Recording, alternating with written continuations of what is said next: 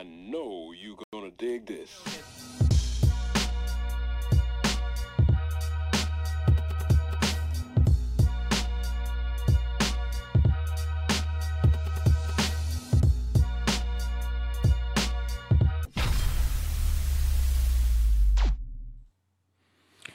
Tako da smo svi ok, sve cool.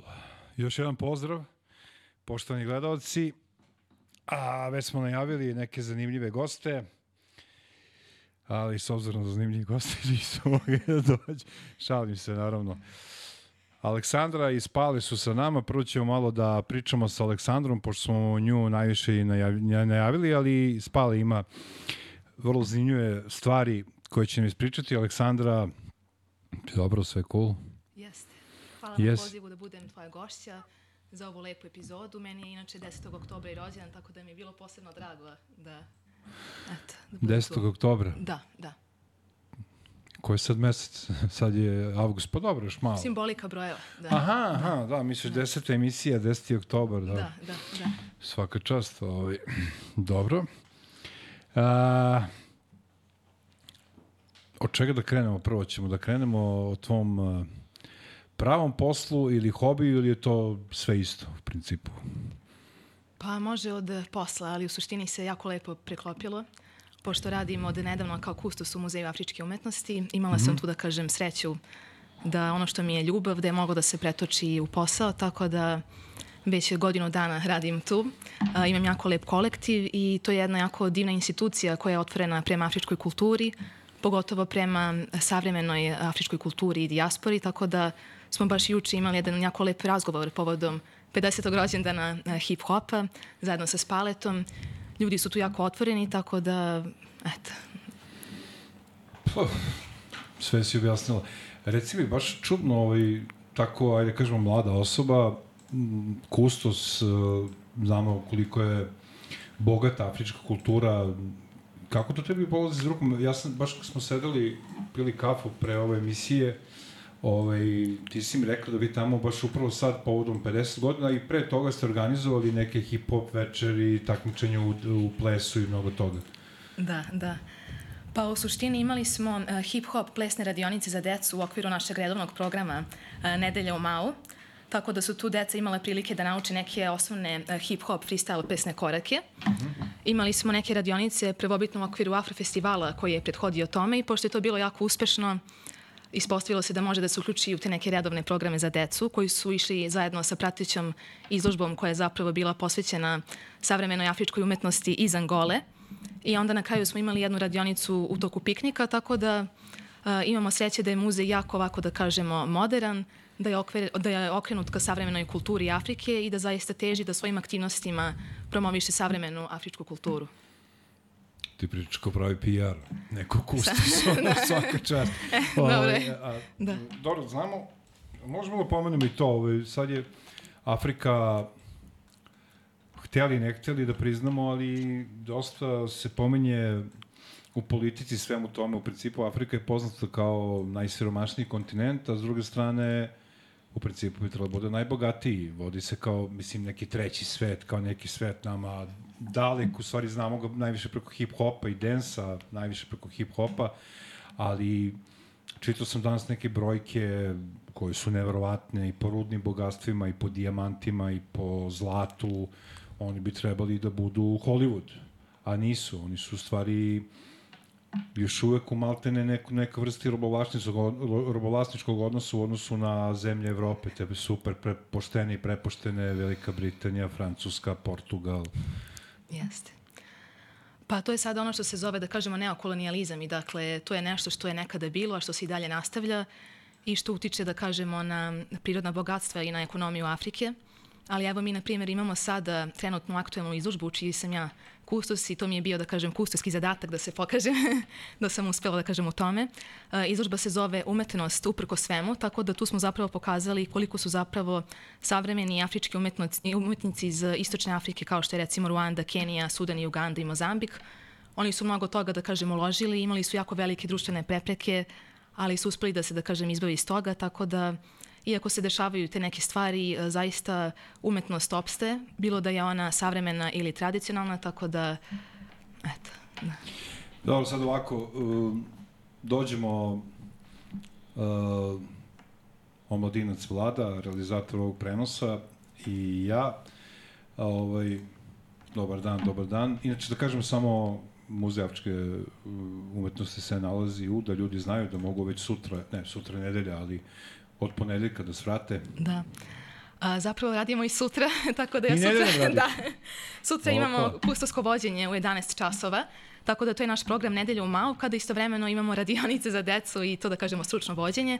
Tako da eto, ja sam sad tvoj gost, sutra od 11 kustos, da kažem, imat ćemo to vođenje, ali adresa je Andreja Nikolića 14, Senjak, tako da to je jedna lokacija gde se nalazi puno ambasada i generalno to je jedan od redkih muzeja kod nas gde je zapravo sama zgrada posvećena muzeju, pošto je muzej nastao 1977. godine kao institucija koja je posvećena bila dakle, upoznavanju afričke kulture. Njega su osnovali Zavko Pečar i Veda Zagorac, koji su bili ambasadori Jugoslavije u to vreme u Gani i u Mali. Oni su pretežno boravili u zapadnoj Africi dve decenije i bili su ljudi vizionari koji su bili ovako jako plemeniti, koji su, da kažemo, bili a, jako pošteni i oni su cijelu tu kolekciju afričke umetnosti zapravo dobili kao poklone. Tako da je po tome naš muzej jako poseban u Evropi, da nijedan predmet nije do, dobijen na neki nečastan način, već kao isključivo vid prijateljstva, ljubavi i bratstva i jedinstva. Bratstvo jedinstvo.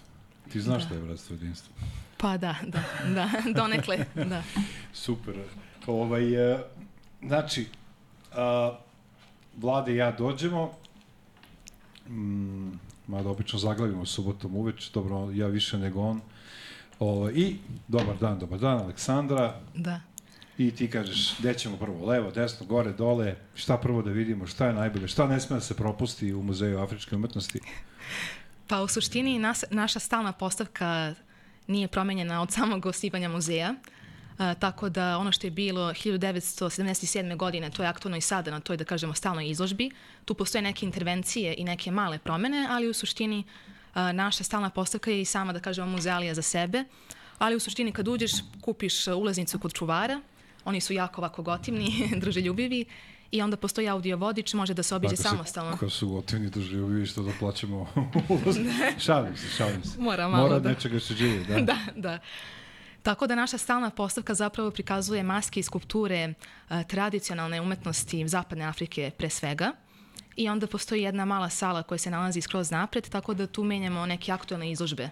Uglavnom tu bude neka, da kažemo, savremena afrička umetnost ili neka prispitivanja afričke umetnosti ovaj, i tako to.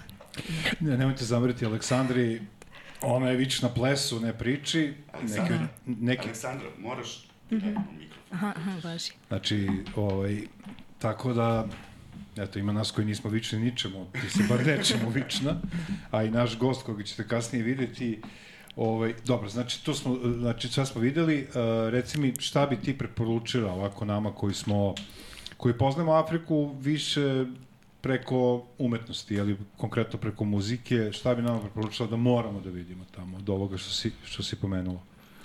Pa evo, aktuelna izložba. Tu se za, zaista nalaze jako zanimljivi radovi, e, 15 slika, 5 skulptura, jedna vaza, jako su različitih stilova, e, izraza, tu su različite tehnike, ali je, su jako vedri koloriti i zapravo iza tih slika se kriju jako teške, lične i društvene priče i postoji i katalog izložbe koji je dostupan za posetioce koji dođu, tako da sve to može da se prelista, a i svake nedelje zapravo postoje i stručna vođenja, tako da kogod želi da dođe, dobrodošao je da čuje. A ti si tamo kojim danima? Svaki dan, samo ne petkom i subotom. Samo nekad je geto. Da, dobro, okej. Ovaj, reci mi, e, uvek se postavlja to pitanje, jel tu vidiš sebe kao osobu, kao, kao neko kome bi to moglo možda bude zanimanje i koja bi se bavila tim profesionalno ili trenutno si spojila te neke lepe stvari? Pa trenutno osjećam kao da je to moj, da kažem, životni poziv, jer sam ja završila antropologiju i etnologiju na Filozofskom fakultetu. Tu sam branila i diplomski master rad na temu uh, uličnog plesa, tako da mi se to nekako spojilo i nekako volim taj muzej, kao da mi je kuća. Ali vidjet ćemo. da. Da. Jer ima nešto da nisi završila, čime se ne baviš, da znamo da te pitamo namerno u tome, da ispadno i mi malo pametni. Uh, hvala Aleksandra. Dobro, a kažem, ne predstavljati pitanje, e, ne predstavljati problem da li je to sad kao isplatljivo, nažalost. sve se gleda kroz, pa, kroz pare. Da, da. Ne kod nas, samo svuda. Da. Pa važno je da može da se živi od toga, ali opet da ti ispunjava, tako da onda uživaš u malim trenucima i imaš motivaciju za dalje, tako da svaka poseta, svaka radionica sa decom, to mi najviše zapravo puni baterije, jako divan kolektiv, lepa lokacija muzeja, šta više čovjek da Aleksandar poželi. za predsednika. U, sad sam, sad sam rekao nešto što nisam želao, Aleksandra kao... Podržavam. Žensko, ne, kao žensko ime, pošto može da, bude... A, da, da. Nisam mislio tog, Aleksandar. Ovo, eto, nije bilo namerno to da se radi, događa se. Ovaj, e, da, e, pa dobro, to je, to je lepo, ali pre ili kasnije, da, lepo si rekla, da ja imam od čega da živim, a pritom radim ono što volim. Ali reci mi, je to, do to, zbog toga si malo prekinula kramp Da, da. Malo sam, da kažem, zbog, zbog nekog novog ritma poslovnog eh, pauzirala sa nekim redovnim treninzima, tako da sam malo napravila neku raskrsnicu, ali ću možda u budućnosti ovaj, raditi na tome da odvojim više vremena za treninge. Prosto je drugačiji život eh, i, i ritam prosto. Ustaneš malo ranije, malo ti sporije teče vreme, drugačije se troši energija, ali opet nekako može da se izvoji vreme i za treniranje ako se čovjek dobro organizuje. Blago tebi. o, e, e da, sad me zanima, e, kako, mislim, siguran sam da ste ljudi neki koji gde si gostovali bila, mada, ono, ta, ta sam, taj sami početak, mislim, to krenulo od e, slušanja te muzike, kako je krenula tvoja ljubav prema toj celoj priči, pošto ti si celokupni projekat, znači ti, vodi, ti voliš celokupnu tu kulturu, ne samo muziku, ples, već sve. Pričao si o vajajstvu, o slikama, o svemu. Mm -hmm. Mislim da imaš samo 25 godina, mislim, moram da kažem, izvini. Da. Obično se ne govore damama godine, ali znaš kao... da. Transparentno je ovde večeras. Da, da. da, da. Pa u suštini ja sam imala jako, da kažem, lepo detinjstvo, jako sam zahvalna svojim roditeljima i imala sam jako lepe konekcije sa a, sestričinom i sećam se da je to možda bila 2005. godina kada je ona meni narezala neke CD-ove sa nekom aktualnom muzikom i tu su bili neki, uh, bio neki album od Eminema i tako neke hip-hop numere i ja sam tako počela malo da plešem u sobi uz taj neki ono XP kompjuter, pa sam se gledala tako u prozor i onda nekako vremenom kako sam nailazila recimo na MTV pa onda um, pa su bili tu neki hobi, recimo prvo futbal, onda rukomet i tako dalje i nekako sam se... Američki futbol ili naš futbol? Naš futbal, da, da, Pošto da. Amerikanci govore futbol, kako može se zove futbol kada igraju rukom, mislim. Ali ajde, kao nema veze, Miksać i ovi ostali dečaci će da se ljute. Futbol je zato što je lopta foot. znam, znam, ali uvek uh, uh, se svađaju kao zašto vi naš futbol zovete soker, a mi vaš futbol, uglavnom ovaj, prebiće me ovi sa 99 jardi, uključujući i vladu koja je realizator, tako da ok, neka bude američki futbol, mi ćemo se zvati soker, znači Liga šampiona u sokeru.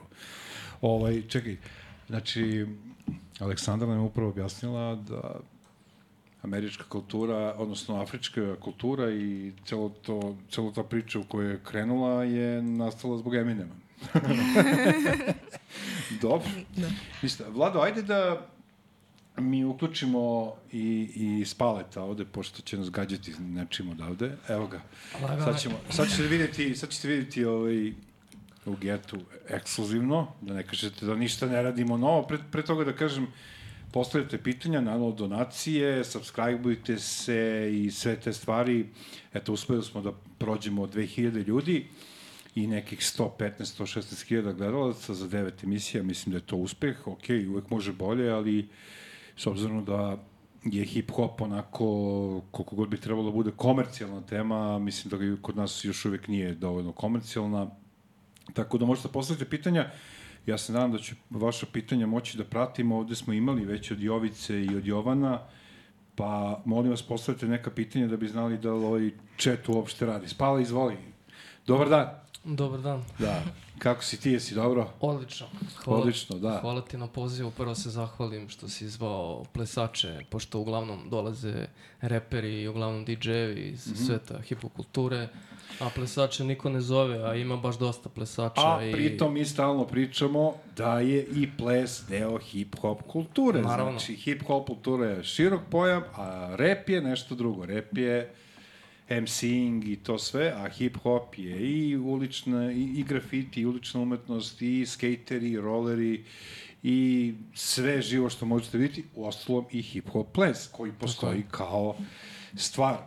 A, reci mi, pre nego što ovaj, pričamo nešto o tebi, e, odmah, odmah da kažemo, mi ne volimo ovoj emisiji sad nešto idemo od Kulina Bana, pa ovde možemo i odmah. Reci mi, što se tih projekata novih tiče i tih nekih stvari koje već, eto, nažalost, nismo ni znali da postoje 8-9 godina i nastavit će se narednih godina kad to kreće i e, koliko, dok se stigli u pripremama za to.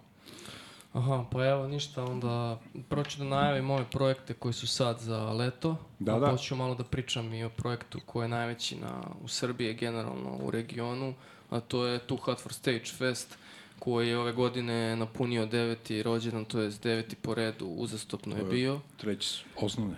Pa da, ajde.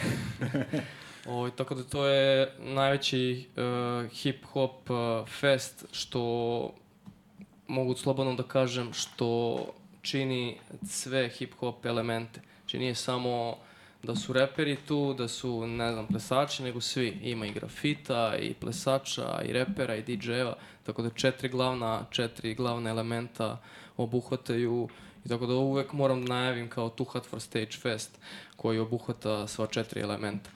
A sad bi najavio neke plesne događaje koje će da budu u avgustu i u septembru.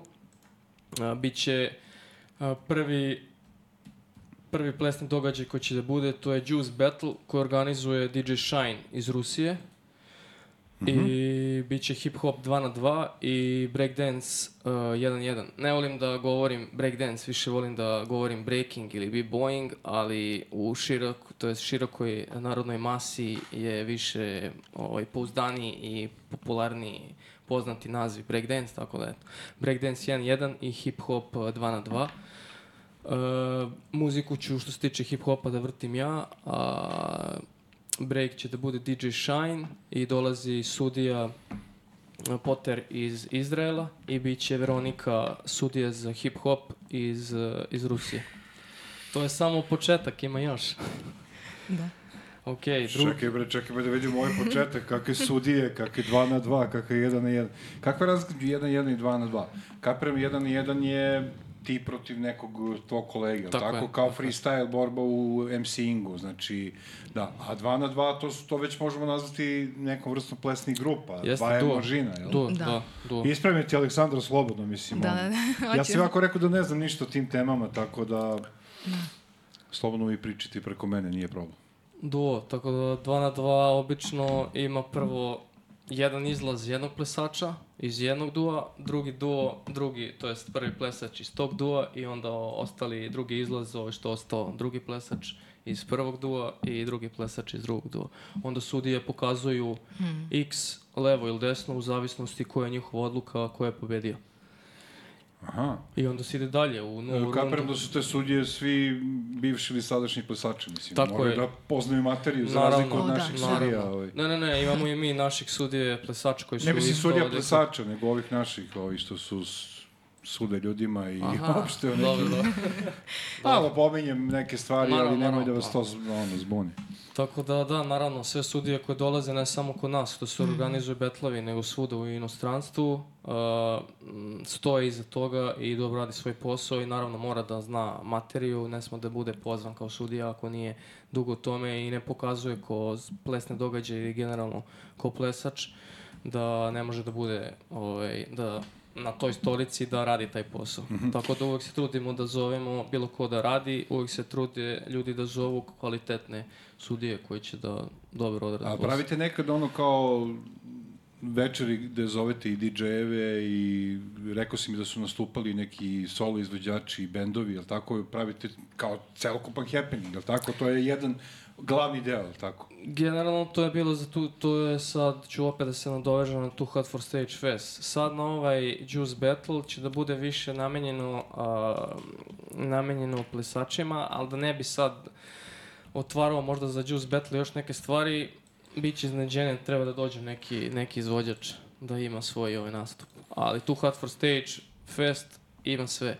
Ima mm. dan koji su, gde su izvođači tu, ima dan kad su naravno i DJ-evi nastupaju iza izvođača, u taj dan budu i plesni betlovi, pre toga bude pre-party, posle toga bude i after party, ima i radionice, ta, zato se zove festival, jer traje tri dana uvijek. Skraćenica fest. Tako je. Pa da, pa imate, znači bit će svega. Bićemo i mi tu.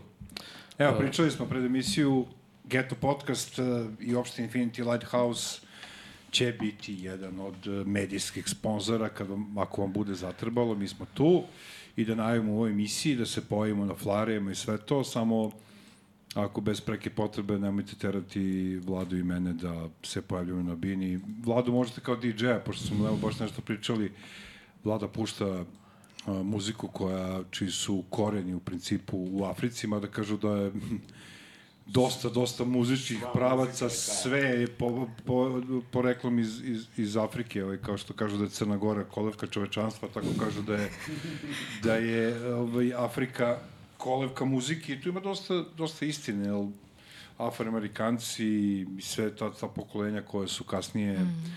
stvarala i blues i džez i na kraju i rock and roll, mislim, njihovi preci ne dolaze sigurno iz Smedereva. Naravno. Tako da, ovaj, ali dobro, ovaj, recite mi, a ka, mislim, za, za oba je pitanje. E, znam da je to ljubav, ali, okej, Aleksandra još nije ni punoletna, o, ali ne ono, odakle baš to, kapiram, ljubav i sve to, ali znam iz ličnog iskustva da je to strašno teško organizovati sve te priče, da je lova uvek bitna, da je nema uvek, i kako vi to gurate tu celu priču? Rekao si 9 godina, Da.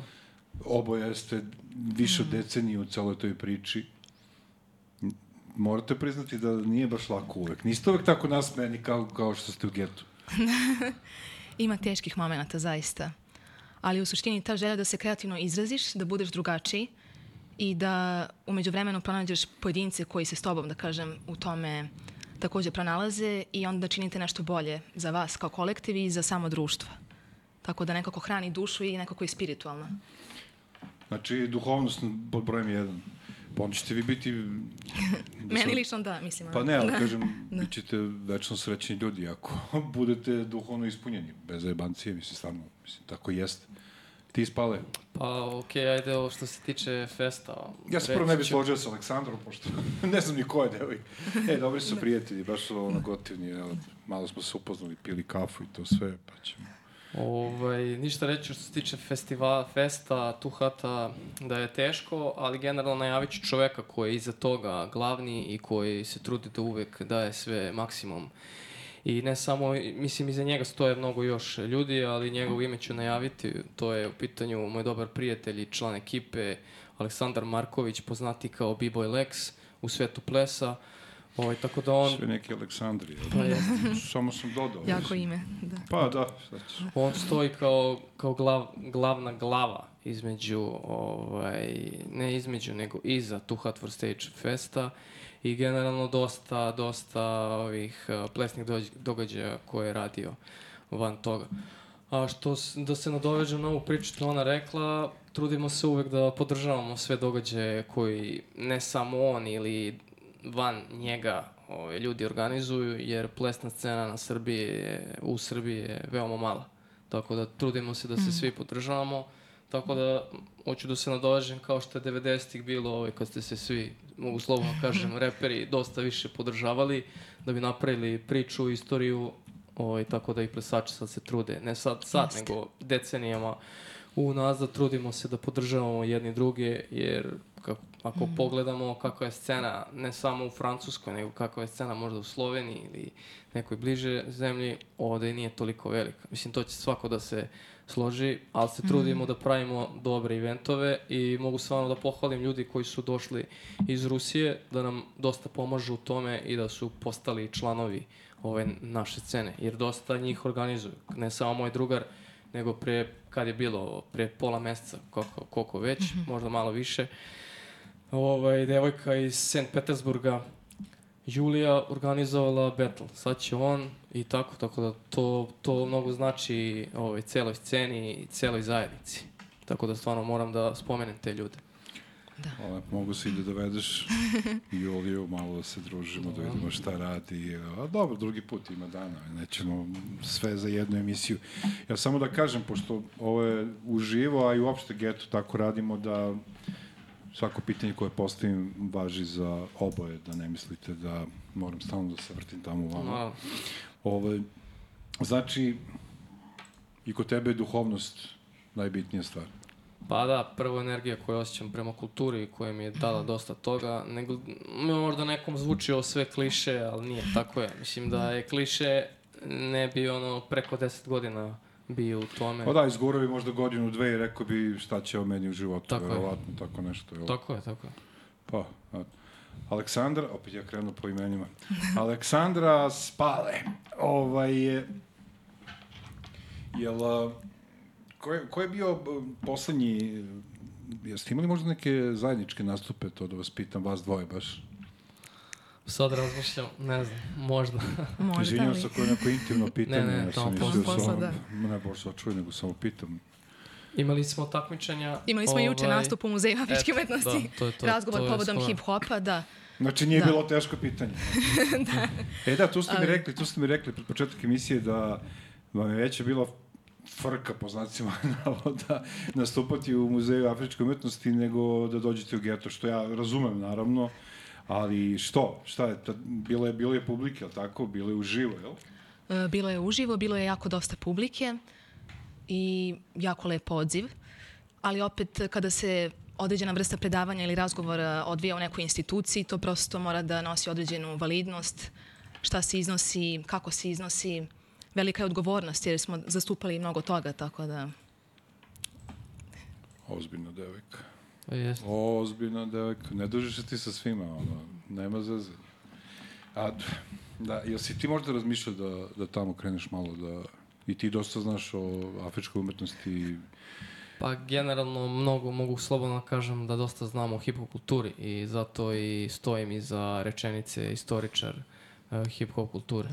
Istoričar plesač prvenstveno, DJ, istoričar hip-hop kulture, DJ. Da. Ti si, po, obo- oboje ste pomenuli dvojicu ljudi koje sam ja, eto, spletom okolnosti upoznao, Aleksandra Bugija i, e, i, i Lubenog. E sad, kako ste ih vi upoznali? Pa ću ja ispričati. U stvari neće pričam kako sam ih ja upoznao, ja sam nebitan u celoj Morat ću da te ispravim, nije Aleksandar Bugin, nego Milan Bugin. Milan je. Bugi, a Da. Aleksandar si pomenuo Markovića, da. priče, Aleksandar Da, Marković da. Lekson je isto Da. Slobodno da kažem, jedan od Da. da. pripadnika moje generacije koji je učinio dosta za hip-hop kulturu kod nas. I svi su mnogo, ne mnogo, nego dosta, dosta su, da kažem, poznati Da. u tom svetu, a i van. Imamo taj One Love pro- projekat koji je fantastičan. To drži Milan Buki. Da, On da, da. je iza toga. Milan Bugi, on je imao i neke svoje podcaste i neke svoje emisije. Eto, imao sam sreće da, da budem gost i da se upoznamo i sarađivali smo i stvarno sjajan momak koji nije što ste vi tu i nije što je uživo, pa Da. Moram da se on- setiš da ga pohvališ. da. Ali, da, da, da. ovaj, a, tako da e, ti Aleksandra Šta? kad si upoznala te ljude? Jesi, kad si pre stigla sve ti da uradiš to u životu? Uh, Bugija sam upoznala jednom u studentskom domu Karaburma, ja mislim 2015. ili 16. godine. On je tad baš i probao da igra malo kramp i tako dalje. A BG Funka sam upoznala kada sam ga zapravo oponašala u, u spotu ceo svet. E, to ispriči, Da, to je da, zanimljivo. da, da, To da. smo pričali Da. ovaj, dole u kafani. Da, u suštini bio je casting za neku devojku koja bi trebalo da ga odglumi u spotu i da iznosi njegove, da kažemo, sekvencije i rime. I onda u nekom trenutku jedan e, kolega, Aleksandar, to jest Aleksa Mijatović e, iz Tuhota, on me je preporučio, pa sam ja uletela u tu priču i bilo je snimanje ceo dan uh, u beton bazi tamo kod Pančevačkog mosta, tako da je bilo onako interesantno iskustvo i bukvalno sam jedan dan kao skidala neke njegove pokrete svaki dan, ceo dan i tako dalje, ovaj, neke njegove rime i tako. Da. Daj, da, bolje da, zo, da tražimo ljude koji ne znaju Lubenog. Ovaj.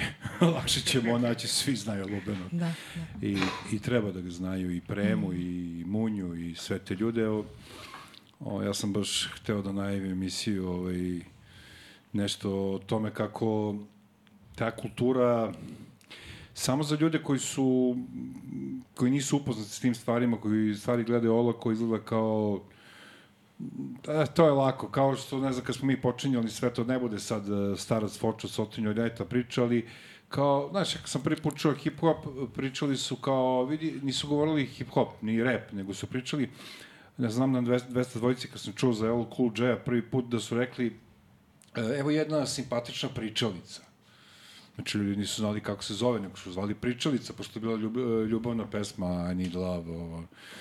Kasnije se to razvilo u najprodavaniji mediji i da, ne znam, pre par godina je hip-hop nadbačio country u Americi, što ne verujem da iko mislio hip-hop i R&B. Mm. Ovaj, ne verujem da, da, da je neko mislio da, da je to moguće. Jel vi osjećate nešto u svom poslu i u svemu tome što radite Ovaj, osjećate neku razliku kako vas ljudi gledaju, mislim, ne mislim kako vas gledaju fizički, nego da li ste ozbiljniji u nečim očima, da li ozbiljnije shvataju vaše projekte, sve to. Aleksandra, izvoli. um, jel možeš malo da bude uže pitanje? da, da, da. No. Kako gledaš na, na, na sada i Aleksandru pre deseta godina, mm -hmm, tu mm -hmm. celu tvoju priču? Mm -hmm. Pa kada kreneš nekako je žar, da kažem, mnogo uh, jači uh, i čistiji i kao da je uh, nepresušan. Vremenom tu bude mnogo prepreka i kako sve to postaje ozbiljnija priča, onda treba da bude više ulaganja, više nekih prepreka, mnogo više odgovornosti. I u nekom trenutku prosto se pravi neka, ja mislim, raskrsnica. Da li ćeš da se skroz posvetiš tome ili da odeš u nešto drugo. Mm, I tako. Mislim da mene je uvek brinulo to vezano za ples, da li će da nestane ta moja kreativnost i osjećaj slobode, jer mene, za mene je ples bio sloboda, bunt, neko drugačije izražavanje i bojala sam se da ako recimo odem u neku komercijalnu priču ili ako se previše tome, da kažem, posvetim, da, da će mi ta, taj neki žar da će mi prestati, tako da... Mm -hmm. Jel nije, očigledno da nije. Samo se pretoči u nešto drugo možda. Ali dobro kad kažeš ja sam Aleksandra, bavim se tim, tim, to je, to je bilo jedno od pitanja u mom pitanju, Jel te to, mislim, jel to, ako smem tako da se izrazim, te ozbiljnije ljudi gledaju u toj celoj priči? Pa možda, da stavimo da. na stranu to što se kustos i sve to, te, ajde, mhm. nazovi ozbiljnije stvari, jesu ozbiljnije, ali to ti ipak posao, ovo ti je hobi i ljubav. Mm, mm. Jel osjećaš neku razliku? Pa verujem da ima neke vrste poštovanja i da ljudi prepoznaju dobru energiju kada se rade ispravne stvari, kada se radi puno toga za zajednicu, tako da mislim da ima toga iskreno. I mi smo Kramp uh, u poslednjih par godina podigli na dobar nivo i naša scena postoji već neko vreme i ja verujem da zaista postoji mnogo bolja energija među samim plesačima i da je malo više ipak prepoznato ovako kod nas. Da.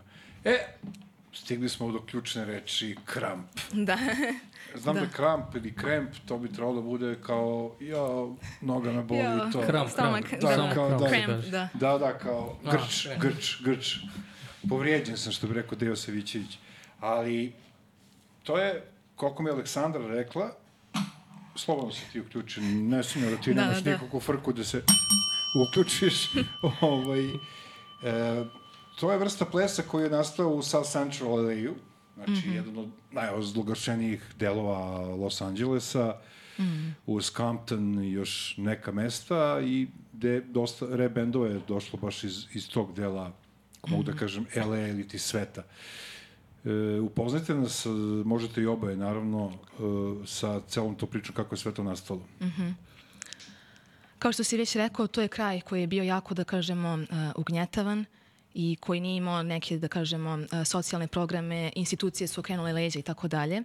I negde 1992. godine A, bili su i neki neredi kada je ubijen a, Rodney King, čovek koji je, da kažemo, nemilo nastradao. Ubila su ga četiri bela policajca, tako da je to bila jedna eskalacija cijelih nekih, da kažemo, multikulturalnih, to jest etničkih sukoba koji su tu već bili unazad Ihahoj.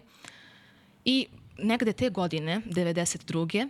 Uh, Tommy the Clown bio je čovek koji je uh, jedno vreme bio u zatvoru i on kada je izašao iz zatvora, on je zapravo rešio da se posveti dečim rođendanima, da promeni svoj život i on je na taj način uh, organizovao neku vrstu hip-hop akademije, tako da je tu održavao neke plesne radionice, decu je učio plesu i negde kako je vreme prolazilo, odvojila se jedna grupica uh, mladih afroamerikanaca, a tu su bili Ty Ties, Miss Prissy, Big Miho i Lil C i mnogi drugi i oni su taj njegov plesni stil koji se zove clowning, koji je onako vrlo živahan, da kažemo, uh, hip-hop freestyle sa nekim maskiranjem u klovna, onako vrlo energičan. To se malo drugačije izvodilo od strane ovih osoba koje sam navela, od Taj Taj za Miss Prissy, Big Miha i tako Znači, dalje. izvini što se prekidam, od početka je bilo tu i dama koje su učestvovali u toj celoj priči. Tako Manje, je, ali ih je bilo. E, manje, ali ih je bilo. Okej, tako je, izvini. tako je, ništa. I u suštini oni su nekako bili žustri i bili su nekako mnogo malo, mogu reći, agresivniji, da kažemo, u toj ekspresiji. I u tom nekom e, periodu, početkom 2000. godina, oni se odvajaju i zapravo daju naziv njihovom plesu koji se zove uh, cramp, odnosno cramping. Mi kažemo uvek cramp na našem jeziku. I zapravo to je akronim za reč uh, Kingdom Radically Uplifted Mighty Praise. Tako da ta zapravo sama reč vremenom dobila je značenje da je njima ples pomogao da oni iz tog nekog beznađa, dosade uh, i neke melanholije da zapravo da budu bolji, da se kreativno izraze i da se putem plesa lepo izraze. Jer ja kada sam stupila u kontakt sa Crucial, sa ženom koja i dalje da pleše kramp i koja je vrlo aktivna u toj zajednici tamo, i postoji jedna organizacija žena koja se zove uh, Wonder Women Cramp, koje putem krampa osnažuju i druge devojke i, i celu zajednicu. Ta Crucial je rekla da u vreme kada je ona počela sa krampom, da zapravo tada nije bilo dovoljno nekih školskih programa, da nije bilo dovoljno nekih ovako van nastavnih aktivnosti, da ih cijelo društvo nije dovoljno da kažemo, uh, posmatralo, da im nije davalo šanse i onda je njoj je kramp bio jako zanimljiv kako da se ona kao žena zapravo izrazi, da bude drugačija i da stavi pečat ovaj, neki svoj lični. Znači, tako je počelo. Da. Izvolite, momčino. Nemaš, ne bi ja znao. Ne bi dodavao ništa više, zašto je ona više u tome. Ja mogu da pričam o stilu u kome sam ja, koji mi je primaran stil. Stil se zove hip-hop, E sad naprići komparaciju, pošto dosta ljudi, kad, ok, kažemo hip-hop, a, znači breakdance, i onda ja kažem, ok, breakdance jeste, mislim, jedan od osnovnih elementa hip-hopa i predstavlja granu plesa, ali ovom kojim se mi bavimo, kao što sam spominjao kategoriju hip-hopa, je do, e, nastalo krajem 80-ih, sredinom 80-ih, kad je već rap kao ovaj, muzički žanr dospeo već u formu i gde su se uglavnom uh, osnovi ili na engleskom basic, bezici o, o, stvarali na rap muziku u klubu. Mm -hmm. Kasnije su se razvijele i na New Jack Swing muziku uh, i napriču komparaciju dok su b-bojevi plesali na breakbeatove, hip-hop plesači su plesali uglavnom na rap muziku, New Jack Swing muziku. Mm -hmm. I hip-hop kao, kao naziv je nastao da se ne bi uvredili b-bojevi, pošto su oni predstavljali već plesni deo hip-hop kulture, tako da su oni kao nazvali sebe hip-hop, dok u Francuskoj već 90-ih, početkom 2000-ih to nazivaju hip-hop freestyle, New York style, pošto je počelo odatle i među prvim ekipama kao što su u b-boyingu uh, Rocksteady Crew i New York City Breakers, u New York su ovaj, u hip-hop freestylu su bili uh, Elite Force Crew. Mm -hmm. Henry Link, Buda Stretch. Svim plesačima koji su u tom svetu znaju ta imena i to su itekako važne imena kao što su Rocksteady Crew, Crazy Legs i ostali. Za breakere. Tako je, za b-boyeve. Da, za bi... A, viš kako je interesantno. Uh, potpuna analogija ima između vrste plesa i vrste muzike. Mm. New Jack Swing smo 90-ih upoznali kao uh, uh, većinom bendove sa vrhunskim glasovima koji su radili neku vrstu modernog sola, kako se to tada zvalo, ali New Jack Swing takođe imao i svoje plesače, odnosno i jedno i drugo je bilo analogno, znači s tim su se već u većini spotova tih New Jack Swing bendova pojavljivali denseri, pa su onda ljudi pogrešno mislili da da, je, da su ovi tu zbog njih. U stvari ne, to je bila zajednička kultura, samo je bila drugačije raspoređena. E, jeste, ali ima jedan do, dobar ovaj, dokumentarac, Japanci su ga napravili, isto ovaj, dva plesača koje sam već naveo, Henry Link i Buda Stretch, pričaju o tome kako je sve nastalo i daju komparaciju ovoga svega što sam ja rekao, samo mnogo, mnogo de, detaljnije. Mm -hmm. I onda rade komparaciju koraka, koji koraci su pripadali old schoolu i kažu kad su nastali. Počet, uh, sredina 80-ih, uh, kraj 80-ih, onda middle school, kraj 80-ih, sredina 90-ih i new school, kraj 90-ih, početak 2000-ih i sad imate new, new, new school od 2005. Znači, neke, to je ovo što sam pričao sa mnom, Znači, uh, osnovna škola, krek. srednja škola Tako i je. fakultet. Da. A reci mi, Aleksandra, uh, koji su bendovi isti uz, taj, uz Kremp? Ovaj, jer ima bendova koji su tu bili učili, slušali, pa radili svoje pesme, mm -hmm. ti to mnogo bolje znaš mm -hmm. i pratiš, ili je to isključio bio street dance? Mm -hmm. Je, znaš, za neke bendove, mislim, ako ne znaš, nema ni veze, ovaj, ali uglavnom kapiram da, kao smo pričali, spali ja, da jednostavno tu ima neke zajedničke stvari, što je normalno. Mm -hmm. Bilo je nekih uh, pojedinačnih pokušaja da određeni plesači plešu nekim mainstream spotovima, recimo za Madonu i tako dalje. Miss Prissy je bila igrala kod Madone, ali u suštini Kramp je malo teži za komercijalizaciju jer izgledno sam ples je jako specifičan, ekspresivno. Nije onako, da kažem, lepuškast i mislim da se teško uklapa u neku tako možda više mainstream priču, ali u suštini kada je u pitanju muzika, postoje DJ-evi koji prave kramp muziku i koji prave isključivo kramp bitove, ali sampluju hip-hop muziku, tako da s početka su to bili recimo J Squad Brothers, a vremenom ima jedan DJ Play, Morph Music iz Francuske i DJ-evi zaista širom sveta postoje. I ono što je jako zanimljivo za kramp scenu jeste da je na svetskom nivou nekako jako povezana putem nekih događaja, putem nekih društvenih mreža, tako da postoji jako izražena hjerarhija i uh, različiti kramp plesači širom sveta jako su dobro povezani i mnogo su u kulturi. To je da. zaista fascinantno.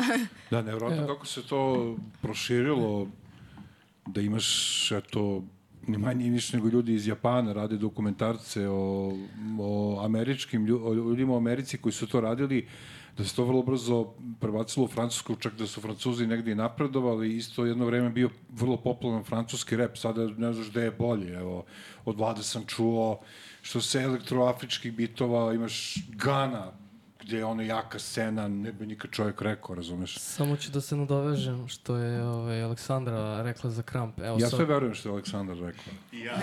ja, ja dižem.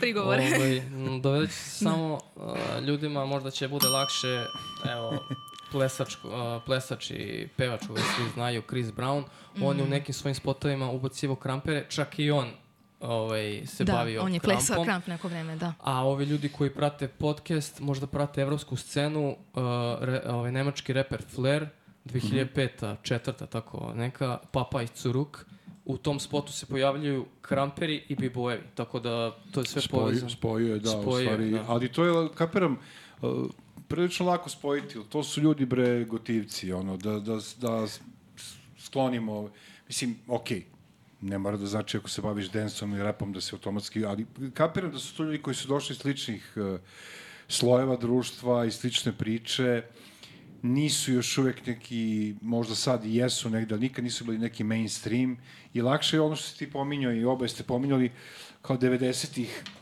je nekako bilo lakše dogovoriti se sa, hmm. sa, sa bendovima za zajedničke nastupe. Tako da kaparam i tim ljudima je mnogo lakše. Ono, ok, ne, ne sumnjam da je, da je bilo nekih problema kad su ti betlovi i sve to, da to zna da se malo napravi, ali to je negdje normalno kad se adrenalin poveća i sve to. Ćemo da vidimo, ovaj, Vlado Aleksandra nam je spremila svoje rane radove.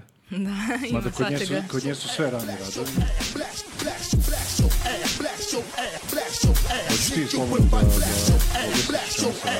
Ovo je bio video zapis za preselekciju kada je bila post-corona period i tako dalje. Kanal se održavao dosta online preko Instagrama, tako da ovo je bio video zapis koji je bio izveden na utakmičenje koja se zove International Count Battle. Tako da sam zahvaljujući ovom video zapisu ušao u tu selekciju i to je bila posle neka serija tih mini, da kažem, battlova online.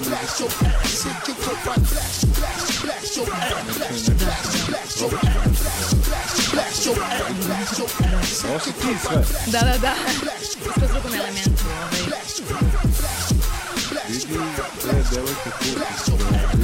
da, da. Da ti kažeš. Aha. Ajde da pustimo ponovo, Lado. Sa muzikom, može? Može. Da, ovo je Hvala. u sali Too Hot for Stage uh, Teo sam da kažem da se ekipe. neko naljutio, da kažeš kustos ovu, obično obično se nekog čiku sa kravatom. Neko stariji? Da, da, da. da. da. Slušamo.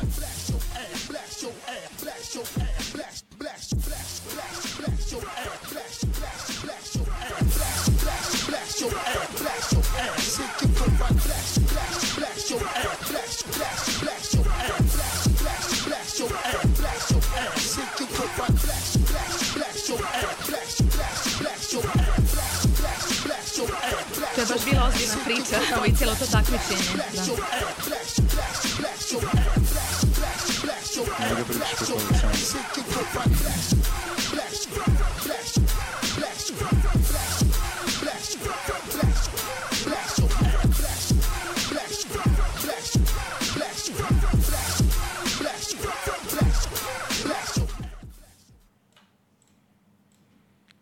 Imamo, koga još imamo snimaka, to ćemo pustiti. Imamo, imamo. Uh, Spale, ti si ovo gledao, ali onako sa stručne strane mi sve cool. Upoznat ću se s devojkom, znam ja. Da. Ništa tehnički, naravno, sve u redu. Mislim, ja opet moram da se dobro, ogradim, dobro, nisam... znamo, ti si nisam- druga priča, da ne pomisle ljudi da je džuskati samo džuskati. Nije, brate, ima milion de, ovih stvari koje dele densere, da ne Nisam, bude. nisam kramper, znači nisam kramp plesač, ali naravno mogu da prepoznam kvalitet i Aleksandra definitivno jeste to, ne samo kao plesač, nego generalno sve što radi i čime se bavi, tako da sve pozitivno. Hvala, spale. da, da. E, inače, vaši početci su, pričali smo o tome dole kad smo pili kafu, ovaj, u principu e, to je kret, kret, kretalo iz nekih zajedničkih prostorija, fitness centara, kao, kao i kod većine ljudi. Možemo o tome nešto da čujemo. Evo, evo spale možda za početak, da se ne naljuti. Ništa, ništa. ovaj, hoćeš prvo kako sam ušao u hip-hop kulturu? Može, može, može, Okej. naravno. Ovako, u hip-hop uh, kulturu sam ušao prvi put uh, 95. Pošto sam ovaj, rođen u Beogradu i živeo sam ceo život na Konjarniku. Tamo sam video prvi grafit i to me prevuklo kao art formu, kao umetničku veštinu. Mogu da kažem, uh, 96. 7. sam prvi put video uh, ovaj spot i čuo pesmu, to mi je prva rap pesma, da kažem, zvanična strana, uh, Hirem High sa ovog I soundtracka tako je, Space Space Jama. Jama. O, a To je bila preozbiljna ekipa MC-eva.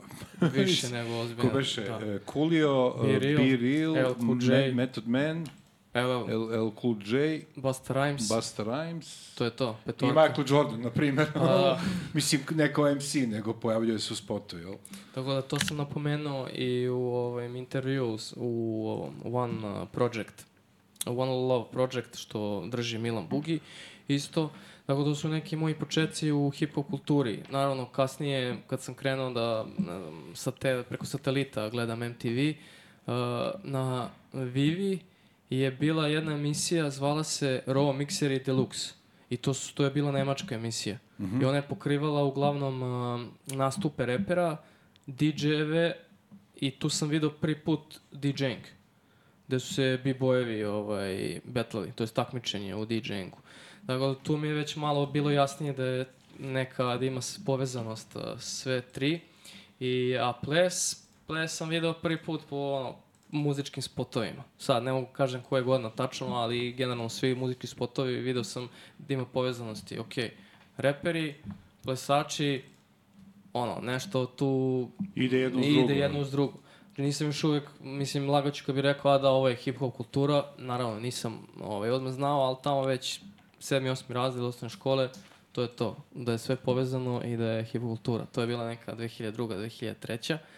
A što se tiče mog ličnog a, plesa, a, krenuo sam 2008. u Elitu, Elite Plesni klub, i od 2013. sam član, nego deo ekipe Too Hot for Stage i ostalo je, ostalo je istorija. Da. skroman momak, ne, ali nisi pomenuo ni jednu Wu-Tang Clan. Ali dobro, jesmo Method Man, smo pomenuli tako da može. Vidi se na, na, kako se to zove, šeširu, jel? A, pa ovaj, Buckethead. Buckethead, da. Da. da. Dobro je dok nije bucket list. A, Aleksandra, ti? Uh, Ti sve- si u nekom fitness centru, to si mi rekla, Da, jel? da. E, 2011. godine preko neke moje drugarice iz zgrade Sa roditeljima sam došla. Nije, bilo je bez njih, da. To je bio neki vid prosto možda malog nekog bunta i kao neki prostor slobode i tako dalje. I jedno, od 2011. do 2014. godine sam tu radila hip-hop koreografije sama i meni je moja trenerka stalno pričala da imam jaku energiju, da sam nekako eksplozivna, da sam previše hiperaktivna i da to malo liči na kramp. I meni je ta reč negde ostala u glavi. I ja kada sam tako istraživala neke hip-hop pesme i tako dalje, najđem na, uh, na ideju da ukucam uh, Beethoven hip-hop koreografi, jer me je zanimalo da li je neko obradio kao neku Beethovenovu, da kažemo, simfoniju ili nešto u hip-hop maniru. U to vreme smo srednje radili Beethovena i volila se muzičko i prosto neka druga priča. I onda sam naišla na snimak Taj Tajza, koji je obradio uh, Kramp Freestyle na uh, hip-hop Beethoven remix. Mene je to oduševilo jer je bilo skroz drugačije, nekako odsečni pokreti, uh, eksplozivni, baš sam bila onako To je impresionirana. jedan od tih ljudi koji si rekao da je među Da. prvima, još da, 92. taj tajs, da, da, da, da. I onda kada sam to videla, odmah sam počela da tražim uh, Women Cramp, Cramp Woman, Cramp Srbija, da onako vidim da li ima nešto tu kod nas. I našla sam jednu ruskinju, uh, Girl Dash, ona je, ja mislim, iz Moskve i ona je imala jako aktivan YouTube u to vreme, 2014. godine. Ja sam nju tako tražila po Facebooku i najđem da je u tom nekom skorom periodu ona zapravo došla sa tadašnjom Girl Tie Ties uh, u Beograd i da je bila u um, tadašnjoj prvoj jedinoj ekipi Four Coast Buckness, da su one tu došle, da su držale neke radionice. Ja sam to odmah pisala na Facebook stranicu ekipi Four Coast Buckness i tu sam ostala naredne četiri godine, do 2018. godine i tu su me uh, Torč Dimitrijević, Vladan Torč Dimitrijević, Miroslav Kiće Bogosavljević i neki drugi, da kažem, ljudi su me tu naučili krampu, plesnim osnovama i to mi je možda bio najlepši period u životu, zaista. Znači, oboje ste u, u nekom sličnom fazonu u smislu kao što gotovo svi reperi rep izvođači, da se pravilnije izrazim, svi kažu to je bio način da izbacim iz sebe šta god. Može da bude i pozitivna energija, najčešće negativna energija, mm, najčešće mm. neki stres, uh, period odrastanja, tinejdžersi, niko te ne shvata, da. ti ne shvataš druge, problemi s roditeljima, ok si s roditeljima, nisi ok s roditeljima, devojka, mislim, glavobolje, paracetamol i sve to. Div, dev, divne su devojke, mislim, da me ne shvati neko pogrešno. Ali definitivno pomaže. O, mislim, ne znam, nekako kapiram posle tog vašeg, vašeg treninga da će, ne, ne mogu kažem drugi ljudi, nego onakvi kakvi bi trebalo da budete ujutro kad se probudite, jel? Pa, Barem meni- u početcima. Mene generalno je privlačilo to još ono, od malena, pre nego što sam, do, nisam zvanično, te 2008. krenuo da treniram, da sam kao, da kažem, pripadnik neke plesne škole, da će zvanično da me uče. Radio sam gledajući na televiziji plesne korake, vrteo se na podu, što bi se reklo, ovaj, se vrtiš na glavi, repuješ na glavi. Da. Ovaj, um, I sećam se da sam na ekskurziji ovako u školi uvek probao da skinem te pokrete sa plesne korake, tačnije sa, sa spotova. I onda svi, u, kao, wow, gde si to naučio? Pa nisam ni ga naučio, nego sam sam. I onda, kažem, 2008. to je zvanična godina kad sam krenuo da se bavim plesom. I onda do sad sve više Istorija. ozbiljni. Pa da. Sve je istorija. Pa dobro, mogu da pričam mnogo detaljnije o tome, ali... Ne, ne, ze- zezam se, ovaj, ali kapiram da ste oba imali sličan stil tog učenja, znači mm -hmm. play pauza, play pauza, play pauza, vrati, ili tako, sa drugih spotova, tako? Nije, mo, nije mogu drugačije. K- Već kad niste u fitness centru ili kad ne vežbate sami, ili tako? Pa Sa drugarima, da. pre tog plesnog, uh, pre plesnog kluba, da, tako je funkcionisalo. Ovi stariji još od mene, njima je bila još gore. Oni su sve Da, morali da. samo, niko im nije pokazivao i nego bukvalno VHS, pauza, ok, da pokušam da skinem. Tako su. I dosta tih starih generacija tako funkcionisalo. Nije Pa niko... zabaguje VHS kaseta, pa onda... Pa šta si naučio, naučio si. Da, da, da. A ni po video klubovima Ja ću pričam o tome, posle da kažu, vidi ga, šta je priča o video klubovima, šta su to video klubovi, ono. Više ni CD klubovi ne postoje, a kamoli video klubovi.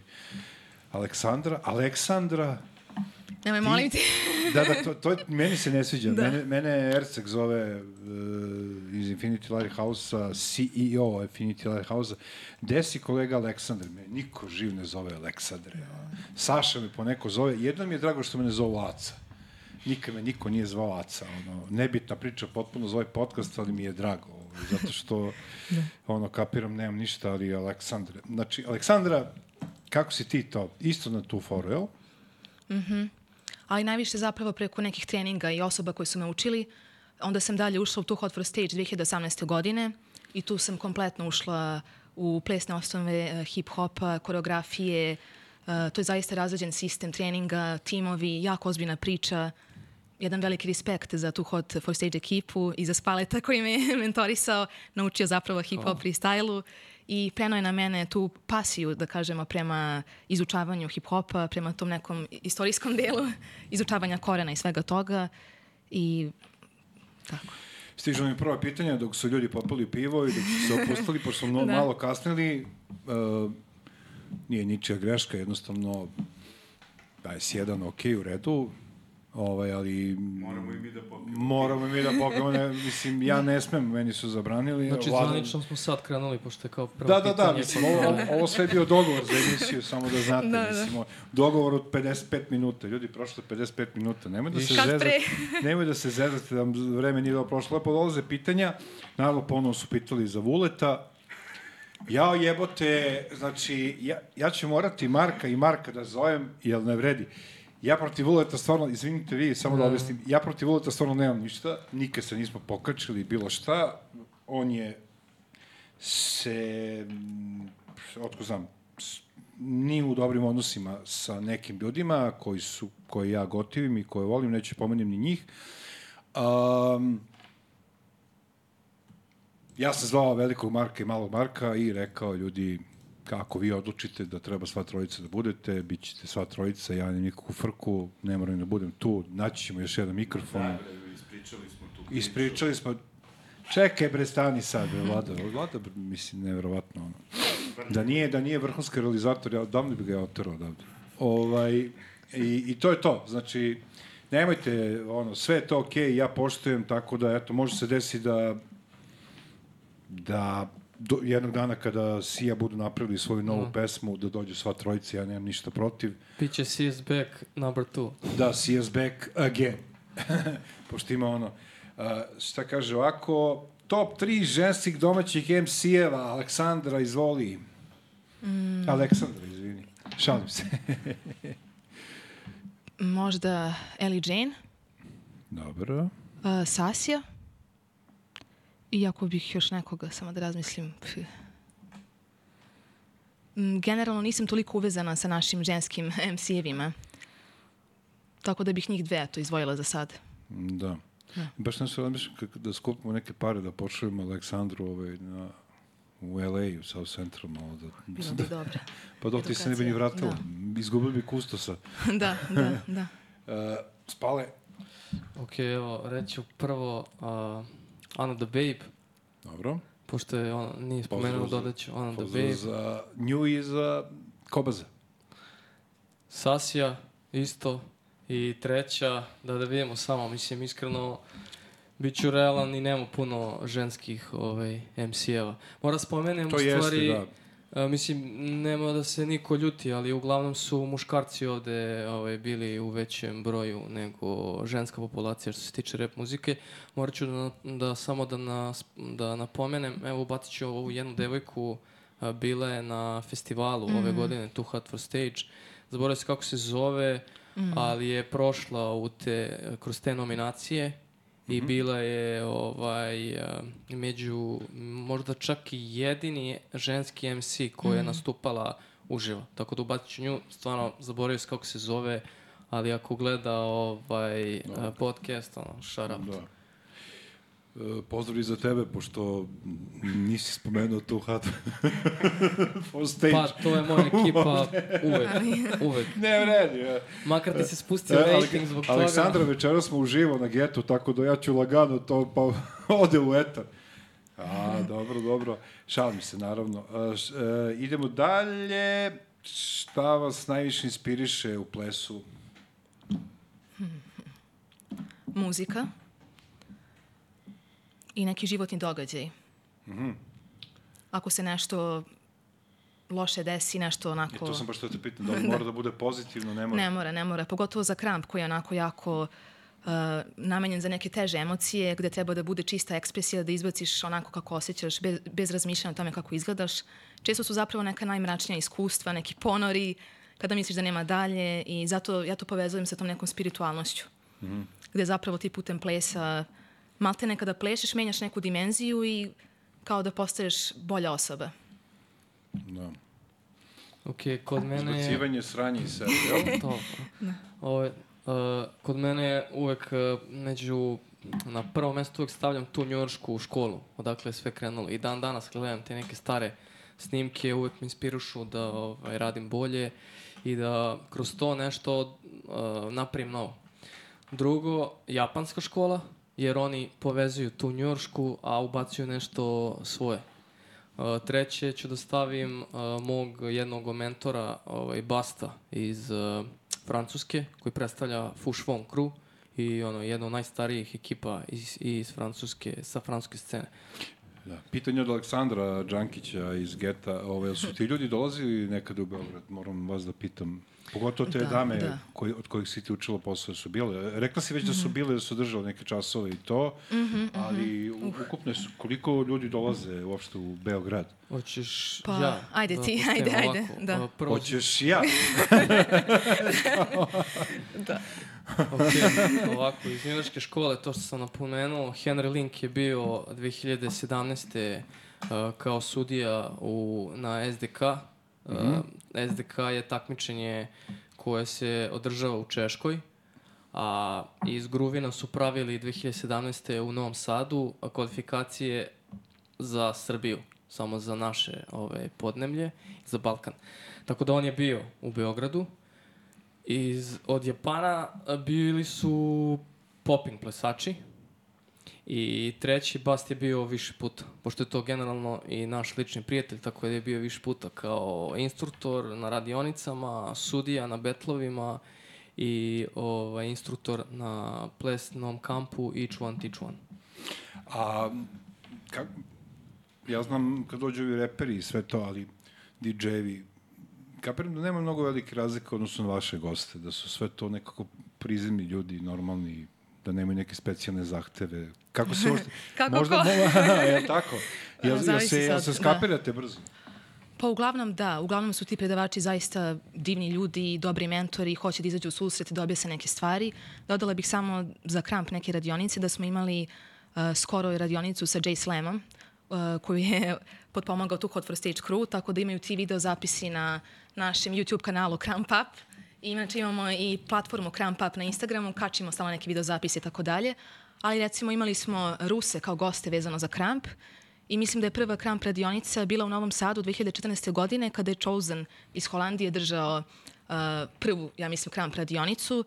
Ali u suštini malo, je, malo su mi neorganizovani kao kramp scena. Opet smo se malo rasuli. Počeli ste Ali- vi, ja?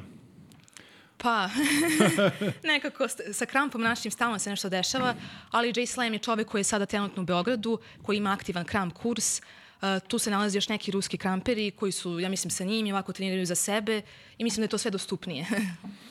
A ti kursovi, koja je cijena? Ima raznih opcija. On je napravio neki sada free kao kanal gde mogu da se uključe ljudi za uh, neko informisanje, pa postoje neki kursevi gde on zapravo ima neke svoje lekcije, ali u suštini bude nekad 50 evra, nekad manje, zavisi od paketa koji želiš. I tako. Da. Kod mene u bloku paket koji želiš ne znači baš to, ali ćemo izbaciti u montaži.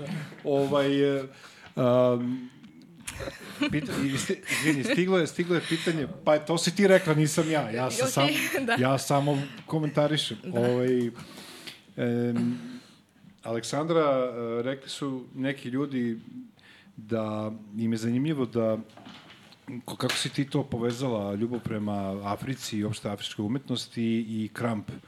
ovaj, jel, osjećaš ti to negde, sad sam gledao, ovo, sad će vlada da nam pusti ovaj, a, još neke snimke koje si nam donela, jel vezuješ ti to tokom densa, vidiš sebe negde kustosovano, mm. ne mislim kao bukvalno sad ti pred decom tamo objašnjaš sve to, ali ti ide kao neka priča tu, tu po glavi kada to...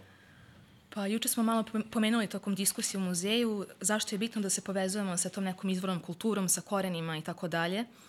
I ja sam nekako se osjećala tu neku, ajde da kažem, istorijsku patnju koju sam eh, saznala, koja se dešavala zapravo afroamerikancima i to što sam osjećala videvši taj ples, mene to jako pogodilo. Ja naravno nisam prošla kroz te stvari, daleko od toga, ali kako sam se upoznala sa tim, tako sam osjećala kao da je mene možda Bog uputio na to i da ja treba da budem zahvalna za ono što imam i da putem plesa činim lepe stvari i da nekako kroz te plesne izlaze da zapravo, dok ja plešim, ja se zapravo povezujem mentalno možda sa tim nekim mojim idejama o tom kraju. I jednom sam bila i u Pragu na takmičenju gde sam upoznala neki, da kažem ovako, i druge krampere. To mi je bilo neko prvo iskustvo ovako internacionalno uživo, 2018. godine. Mm, I tada sam osetila nešto malo drugačije, ali eto, šta znam. To je to, a? Što se kod tebe spale ti... Dobre, mislim, negde je normalno da, da ljudi slušaju hip-hop muziku kad se bave tim, mislim, ako mogu kažem, poslom ili hobijem. Jel, kako si ti vezao celu tu priču? I o čemu ti razmišljaš dok, dok nastupaš? Mislim, jel ono, si, jesi postao toliki profesionalac da možeš sebe da izbaciš iz te priče, da razmišljaš, ne znam, o nekoj stvari, ili ti je dalje ono kao... Ajmo prvo za slušanje muzike. Uh, prvenstveno, prvo sam slušao rap muziku, a onda sam krenuo da se bavim plesom. Aha, dobro. Uvek me ples zanimao, ali Znači, pre... vez, vezuje se uvek jedno za drugo. Tako je, i pre nego što sam ušao u ples, um, u plesni, plesni svet, sam znao već uveliko i dosta o hip-hop kulturi, ovaj, tako da mi nije bilo sad nešto nepoznato, a kao sad sam plesač, pošto ima obrnuto, dosta plesača uđu, a ne, ne znaju ništa o tome.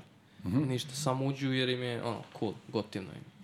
Tako da kod mene je bilo obrnuto, što je bolje, jer sam imao tu neku odskočnu dasku i neko osnovno znanje s kojim još mogu da radim. A što si rekao, ovo drugo, kao ne inspiracije, nego šta se, o čemu razmišljam, Kad si na sceni.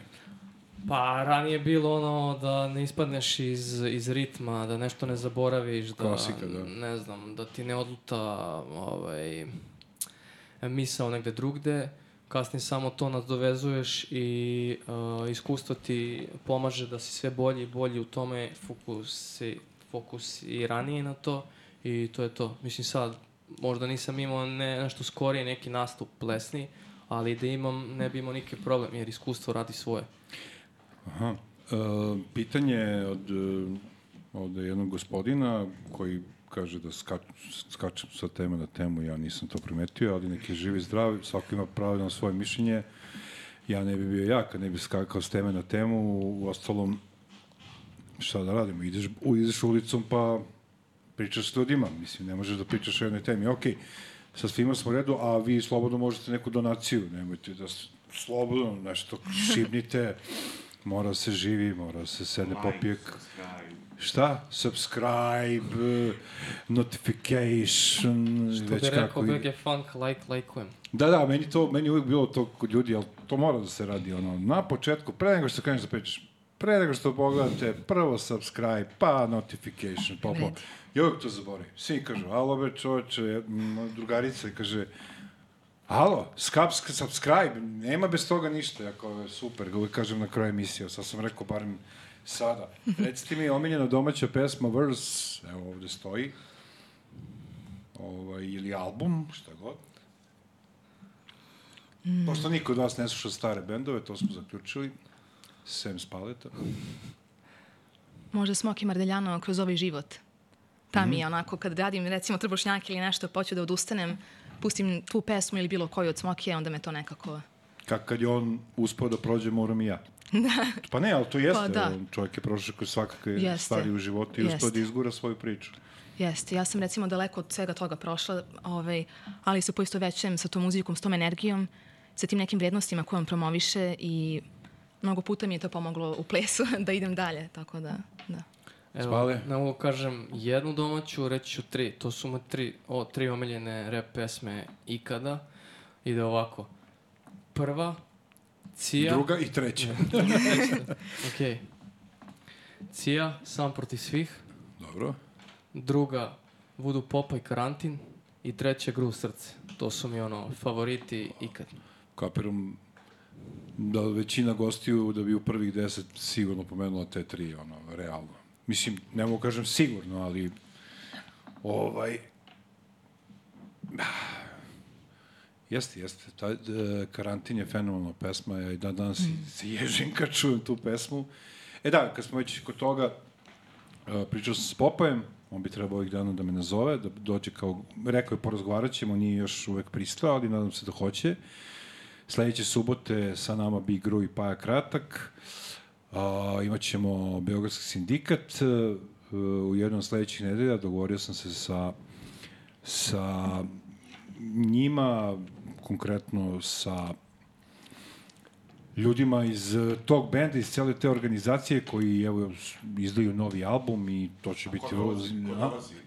Doći će, još uvek ne znam, eh, Škabo će doći sigurno i još dvojica, pošto njih ono mnogo, ne bi mogli sve da stinu u, eh, u studiju, ali planiramo napravimo neko iznenađenje kada Beogradci nikad bude, budu došli u gost, tako da ovaj, biće ih sigurno trojica, koja trojica, vidjet ćemo ko, ko kad bude imao i koliko bude imao vreme da baš taj dan kada bude bilo, vidjet ćemo da li će biti uživo ovako u subotom kao s ovim dragim ljudima ili utorkom kada mi u principu i snimamo ove emisije pa ih emitujemo subotom ili nedeljom od 21 čas, da imamo još neka pitanja, ne su nova pitanja.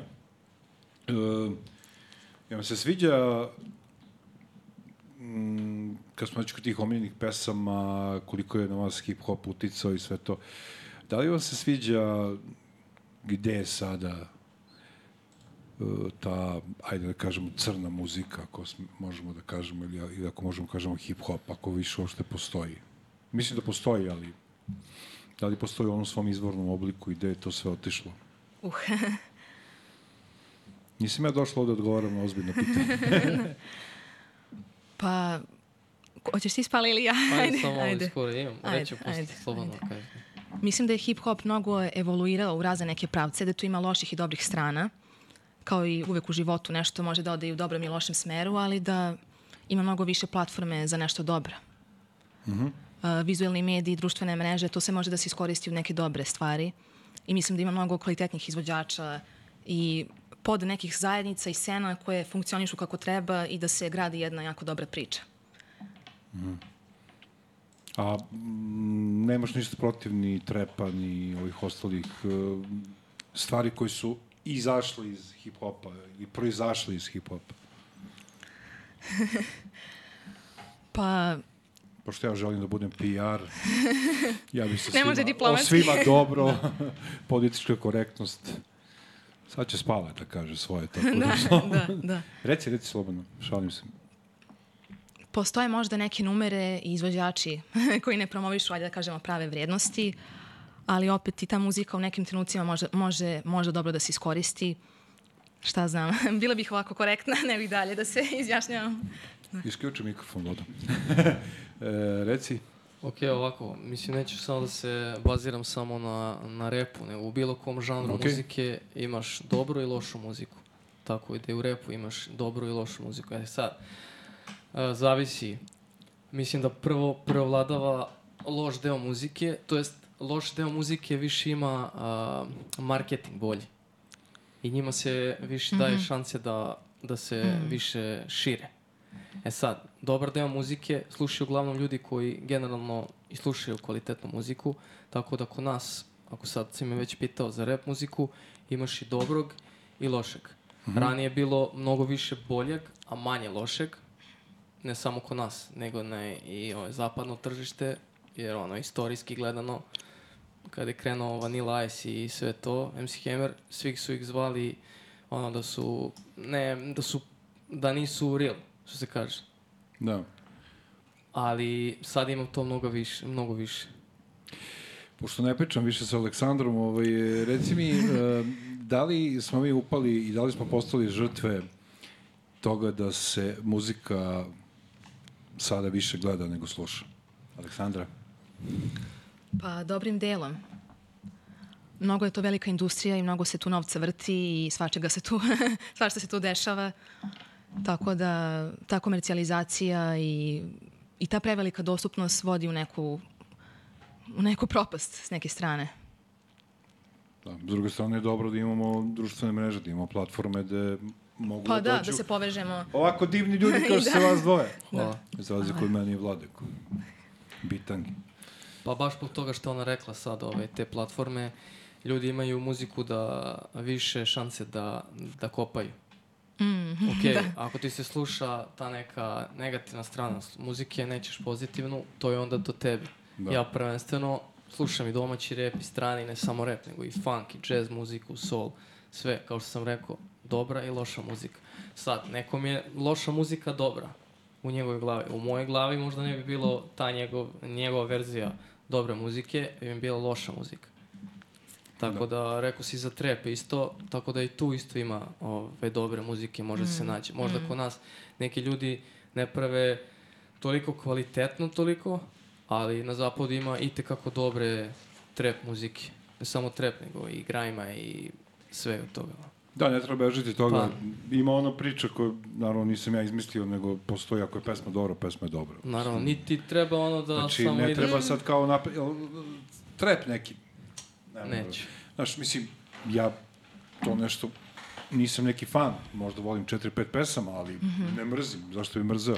A s druge strane, neki narodnjak, kako mi se svidi, poslušat ću, mislim, nis, nisam ja odrastao, mislim, odrastao sam na rock'n'rollu, ali sve što mi se sviđa, evo, čujem po neki put i Davida Getu i onda, ču- onda mislim, playliste David Geta, pa onda, ne znam, prvi album, prvi album Wu-Tang, pa ne znam, mislim, zašto bežati od toga, ostalom, mi smo, nadam se, bar gospodari naše sudbene, ja ne znam. Vi ste ljudi, nešto ste mi pričali početak emisije, da ste duboko i jedno, i Aleksandar i ti duboko vezani negde za funk, u raznim vrstama funka. Či ti prvo, Aleksandrice? Ja sam samo vezana za moju Funky Street People prvu plesnu školicu, ali ovako što se tiče li, uh, ukusa, ajde da kažemo, nisam toliko u funku, iskreno. Išla sam na neke radionice, imala sam uh, prilike da učim od Peđe, uh, Dedicator koji je kod nas ekstra uh, popping plesač koji ima plesnu školu Izraz. Bila sam kod njega gost u Šapcu, držala sam kramp radionicu, tako da shout out za Peđu, za njegove aktivnosti, divan dečko. I tako da Divan dečko. Či funky on. Ali to nije taj funk, taj nije to je taj funk, ovo je malo noviji, ali i jedan i drugi su dobri. Mislim, o, prvi je uvek originalniji, ali ti si mnogo više u funku, tako? Pa prvenstveno opet krećem iz hip, sa hip-hop ovaj, ugla, istorije, jer ono, bilo ko da istražuje malo bolje o rap muzici, znaće da je James Brown jedan, ne jedan, nego najveći semplovaniji ovaj, muzičar u rap muzici. Tako da krenuši od rap muzike, rekao si G-Funk, semplovali su Roger Trutmana na zapadnoj strani, tako da to. Dre inspiracije. Sve što je milion funk je. izvođača. Ali Roger Trutman Da, je da, bio okej, na okej. zapadnoj strani kao što je na ovoj istočnoj i Jane, ovaj, uh, James Brown. Tako Da. da. krenuši sa rap strane, funk. Krenuši sa plesne strane, što se tiče b-boyinga, opet funk. Ja lično slušam funk i uvek kad uh, puštam muziku, ovaj, vrtim muziku na plesnim takmičenjima, kad je hip-hop takmičenje, ja mogu vrtim funk kao čist funk, zato što se igra, već sam pomenuo, na rap muziku. Ali ako Da. je all style battle, to, je, to su battleovi na kom mogu da se prijeve uh, svi plesači koji plešu ulične stilove. Popping, locking, b-boying, hip-hop, house. kramp. Kramp. I onda, među ostalom, vrtim i funk muziku. Sa 2. septembra, dečko koje, koga je napomenula Dedicate, Aleksandra da. Predrag, dedi, Uplaši me, kažeš, dečko, pokažeš Aleksandru. koga je napomenula Otko znam, dve- 2023. Možda sam nešto propustio. Šalim pravi popping battle 2. septembra. Tako da ljudi koji hoće da ovaj, a, vide šta je Popping Battle, ovaj puta pozivam, bit mogu na Instagram stranici da nađu, zove se Boogie uh, Wonderland stranica i to je stranica koja je vezana za taj battle. Tako da ću tu ja među ostalom da puštam i funk muziku. Znači, to je, kao što smo rekli na početku razgovora, to je jedan e, čitav event. Znači, nije kao fest, ali je muzika, puštanje muzike, betlovi... Sajferi pre toga da će Sajfer, ljudi ulazi da. da. se pokazuju i da će budu uh, kvalifikacije kojim će sudije da izaberu one najbolje koji će tek da krenu I se opet dolazimo u te analogije, izvini, ovaj, isto u hip-hopu imamo sajfere, imamo i, i, i u, u, u densu, ali tako kao u, što u hip-hopu imamo sajfer, pesme mm -hmm. od 9, 10, 11 minuta, gde samo se ređaju bez refrena e, MC-evi. Da. Verovatno je naziv sajfer verovatno postao prvi u densu, ne znam, ali, ali to je slična stvar. Opet imamo tu neku analogiju između dve stvari. Opet se vraćamo na Afriku. Sajferi Da. su Da. iz Afrike. To sam juče napomenuo Da, isto da. Ovaj, u našem razgovoru muzičkom ovaj, u Muzeju afričke umetnosti gde kad me ovaj, bilo je pitanje šta povezuje prvo ovaj, Afriku sa po meni sa hipokulturom. Prvo čega se setim kao plesač je sajfer. Hmm. Tačnije krug za ove baš needukovane i lajke ovaj, u, to, u tome. To je krug Mhm. gde su u Africi ulazili, da su sad prizivali kišu, bogove ili su neku drugu e ekspresiju. To je ono što možemo vidimo u dokumentarcima, na History Channel i svuda, kad Tako se je. ljudi okupe u krug i onda Tako je. to je to. Gde su posle džez muzičari i pre njih ovi robovi Mhm. koristili to kao neku, pa kažemo, zabavu, gde se, ono, Gde je svako imao svojih minut ili dva da, Da, da. pokažeš tima, pa onda ovaj sledeći i ovi ostali prate bit i to. i onda je krenulo, što ti kažeš, na rap i na plesne sajfere. Kao što je sve nastavilo, ono što Aleksandar kaže, kao što sve posle se širilo na tu Mhm. stranu. Ćemo vidimo još malo Aleksandru, ovaj, Koji ćemo? pošto više to bolje. Kap... Ovo, ovo nije Aleksandar, ono ne vozi avion. Ima zvuk, da. da, jer ima Da. zvuk, da. Ima. Ovaj. To ti znaš, bit ću opet verna kad te vidim ja ponovo o, Znam da je to čeka što pali gas Neću malo niti pola, samo sve sto posto o, Hoću da živim, živim samo te snove Dok se gotivim o, Ovo je neka melo varijanta sajfera, jel? Ovo je bila neka koreografica. Aha, da. Da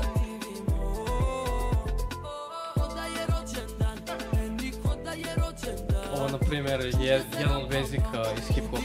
Ti opet Da, da, da, da. Poslednji put da mi pravimo lom Sebi da probaš ne branim ti to Ko da je rođendan Meni ko da je rođendan vidjet ćemo, jel?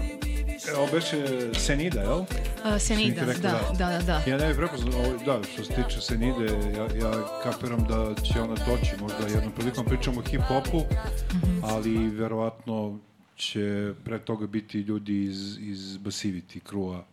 I sa njima smo, ćemo pričati i sa, sa Reljom i sa Ikcem i sa koga sam, s kim sam još razgovarao, DJ Ike, Uf, ima baš, zaboravit ću nekog, izvinjavam se, ovaj, idemo neki drugi ovaj, snimak,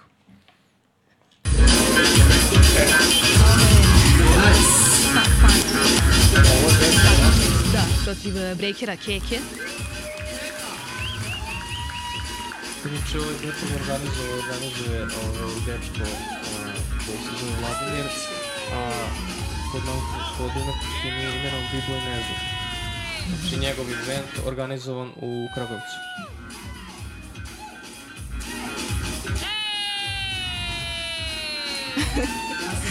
Johnny, ni kriv ni dužan, da.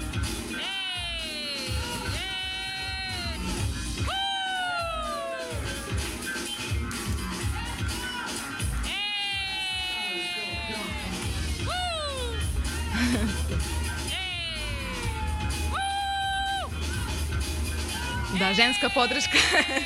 da, da. Girl Power, Da, da. Mogu samo da... to je naša Aleksandra. Ja. Teo bih samo da kažem nešto u vezi ovog takmičenja, osim što sam već najavio ko je iza tog takmičenja. Evo sad ste videli da dečko koji sedi dole na stepenicama, na plesnim e, događajima, mi, mislim isto zovemo MC, pošto kontroliše ovaj masu i drugim rečima je voditelj, samo ne zovemo voditelj, Master nego... of ceremony. Tako je, MC, zato ga zovemo MC. Ne baca rime, ali ovaj, gleda publiku da diže i da im o, skreće pažnju ko je sad na redu. A, momci koji su sedeli gore, Ono Vikler tamo bio sam, dobro je vidio, nije. nije. Učinilo mi se da Ovaj, je Vikler. Od... momci koji su sedeli gore ovaj, su bili uh, sudije. Baš sam napomenuo da svaki battle ima svoje sudije. I onda te sudije na kraju sa X, gde je izjednačeno, ili levo, desno, u zavisnosti na koga ovaj glasi. Čisto da malo približim ljudima. Aleksandra, pitanje dobijamo od uh, Post Marigold, ako sam ja dobro, ili Mangold, eh, to je nevjerojatno neki vaš drugar. On ima najveći broj ovaj, postova, odnosno pitanja, nema veze. Sam dobro. Marigold. A, e, koja je najinspirativnija ženska osoba za tebe? Uopšte, dance, e, rap, e, sve. Ali ono što si ti pričala, inspiracija baš, znači duhovnost, sve, sve, sve, sve, sve. Malo samo da promislim. Okej. Mnogo toga mi je na pameti, ali... Hoćeš ti, Da. spale? Može. Evo Brzo. ja ću sa naše scene ću da izdvojim uh, Zoji, plesačicu. Ona mi je bila i prvi plesni partner, inače, ovaj, na plesnoj sceni. Tako nju uvek ću da izdvojim. Uh, što se tiče MC-eva, definitivno uh, MC Light. Mhm. Ovaj, Pomalo zaboravljena, nažalost. Nažalost, ali... Ono, Kao i Lil da. Kim, ako smem Kim. da kažem. Dobro, Lil Kim je nešto drugo bilo. Ok, Malo kad- psihički, nećemo da ulazimo. Ne, ne, u redu, Da. ali kažem i ona A, je zaboravljena pored Cardi B i ne znam ovih ostalih, da. Ovaj, Izvini što te ništa, ništa. A od stranih plesačica... Šta znam, evo, na, neću baš sa strane i inostrane, volim da podržavam ovaj krug i inostranu XU scenu, tako da reći ću šz. Znači, znam? lokal U, da. patriotizam. Tako. Pa to. Ali dobro, ali kažem, ok to što si rekao, nego ukupno kada gledaš sve vrste muzike, svime, sve što te zanimalo, sve ljude s koji si skapirao, sve ljude koji si gotivio, ko ti je tu broj jedan? Muško, žensko, nema veze. Pa nema veze sa hip-hopom, mogu to. Možeš, naravno. Šade. Ja kad se setim, ka- kad je bio ono Live Aid, 84. 85. Kad se setim letovanje buljarice, I da, E, si i ti letovao leto u Buljaricu. Nisam. Ovaj, e, e, I kad se Šade pojavila, se tačno sećam, on je njena zalizana kosa, repić i one minđuše veliki. Ne znam, nikad u životu, doduše bio sam baš, baš klinac, nikad lepšu osobu nisam vidio žensku u životu. To su izvođači za koje ja volim da kažem ne samo ona, nego, ne znam, Prince, uh, Rakim, Michael Jackson i svi ostali, ovaj, da su bili ispred svog vremena. Izvan svog vremena i ispred svog vremena. Zato, zato i jesu sad ovde. Tako je. zato I bit će i posle jest, nas i sve. Jest. Da. pa volim... Znaš šta ti je činiti? Volim reperku ako se zove Gavelin iz Los Angelesa. Volim njen stil, njen flow i kako ona iznosi ženski rep, to mi se posebno sviđa. Ona je novija škola. A ovako pratim puno plesačica iz Francuske, iz Rusije koje rade kramp i koje su stvarno odlične.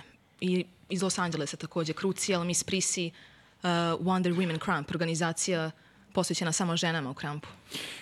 Ovo što je Spala rekao, a jedna ženska osoba nevezano i za muziku, ali za ceo tvoj život, ovaj, neću pričati o porodici, naravno i sve to, nego da, bi rekla bih moja da- majka i baka.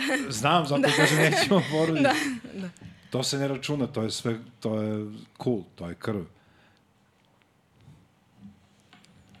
teška pitanja. Teška Teško, stvar. teško pitanje. Teško. Teško pitanje. Za jednog PR-a teško pitanje. za ne, da, da. Nema veze, setit ćeš se do kraja emisije kako ima veze. Može, Ovaj, e, da, još jedna stvar, to me uvek nerviralo ovaj, i to me uvek zanimalo.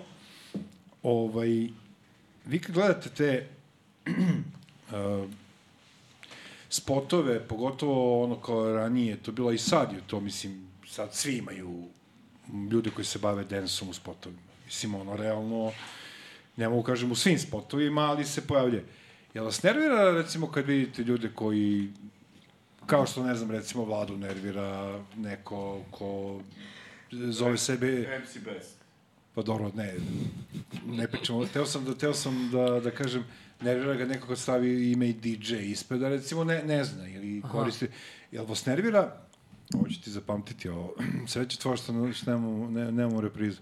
Ovaj, Jel vas nervira kad vidite to nešto kao, daj bre, brate, pa ne ide to tako, pa ovo, pa ono, pa vežbaj malo, pa šta, nervira me, ok, prvo ću kažem da, ne da me ne, nego ono, malo mi je već kako im ne dojedi, ima dosta plesača, iskreno, ovaj, koji drže neke plesne školice, uh, ili se bave i dalje dugo plesom i dalje to nazivaju hip-hop, a nema veze s hip-hopom. Znači, vjerojatno samo zbog imena da bi Tako veći je, da broj bi dece samo... hi- Tako došao. je, da. Ovo, a i naravno i, mislim, nervira me. Već mi je ono, već sam ogugla na to, ali ono klasika, MC, a nije MC, mislim. Ne moram ni, ni da nabrajam, znamo svi ovaj, ko, ko ovaj, a, koji ljudi stoje, ovaj, to jest ispred kog imena im stoji MC.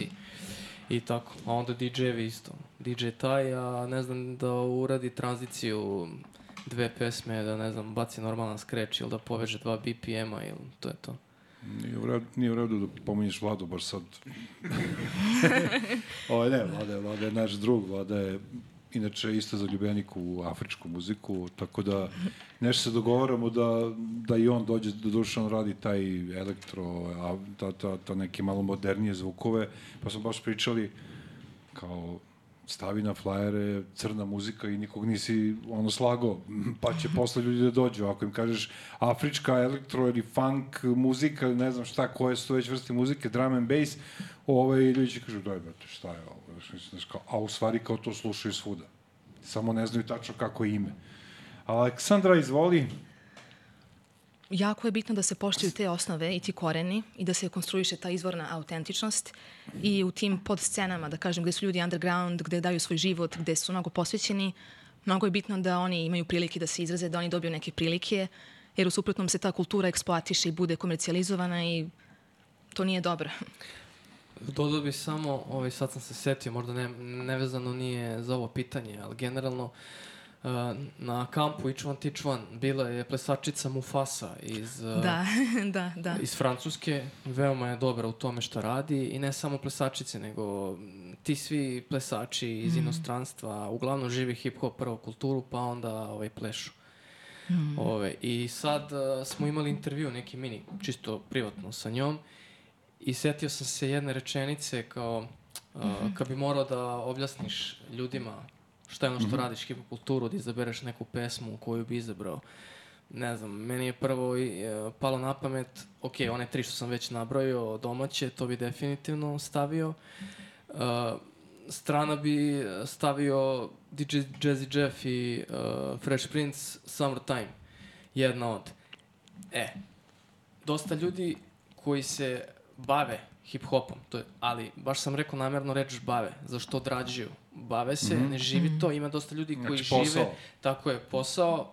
Ne volim da citiram druge ljude, ali ovu rečenicu uvek moram da, ovaj, da kažem, što bi rekao veliki ovaj, tiča Kires One.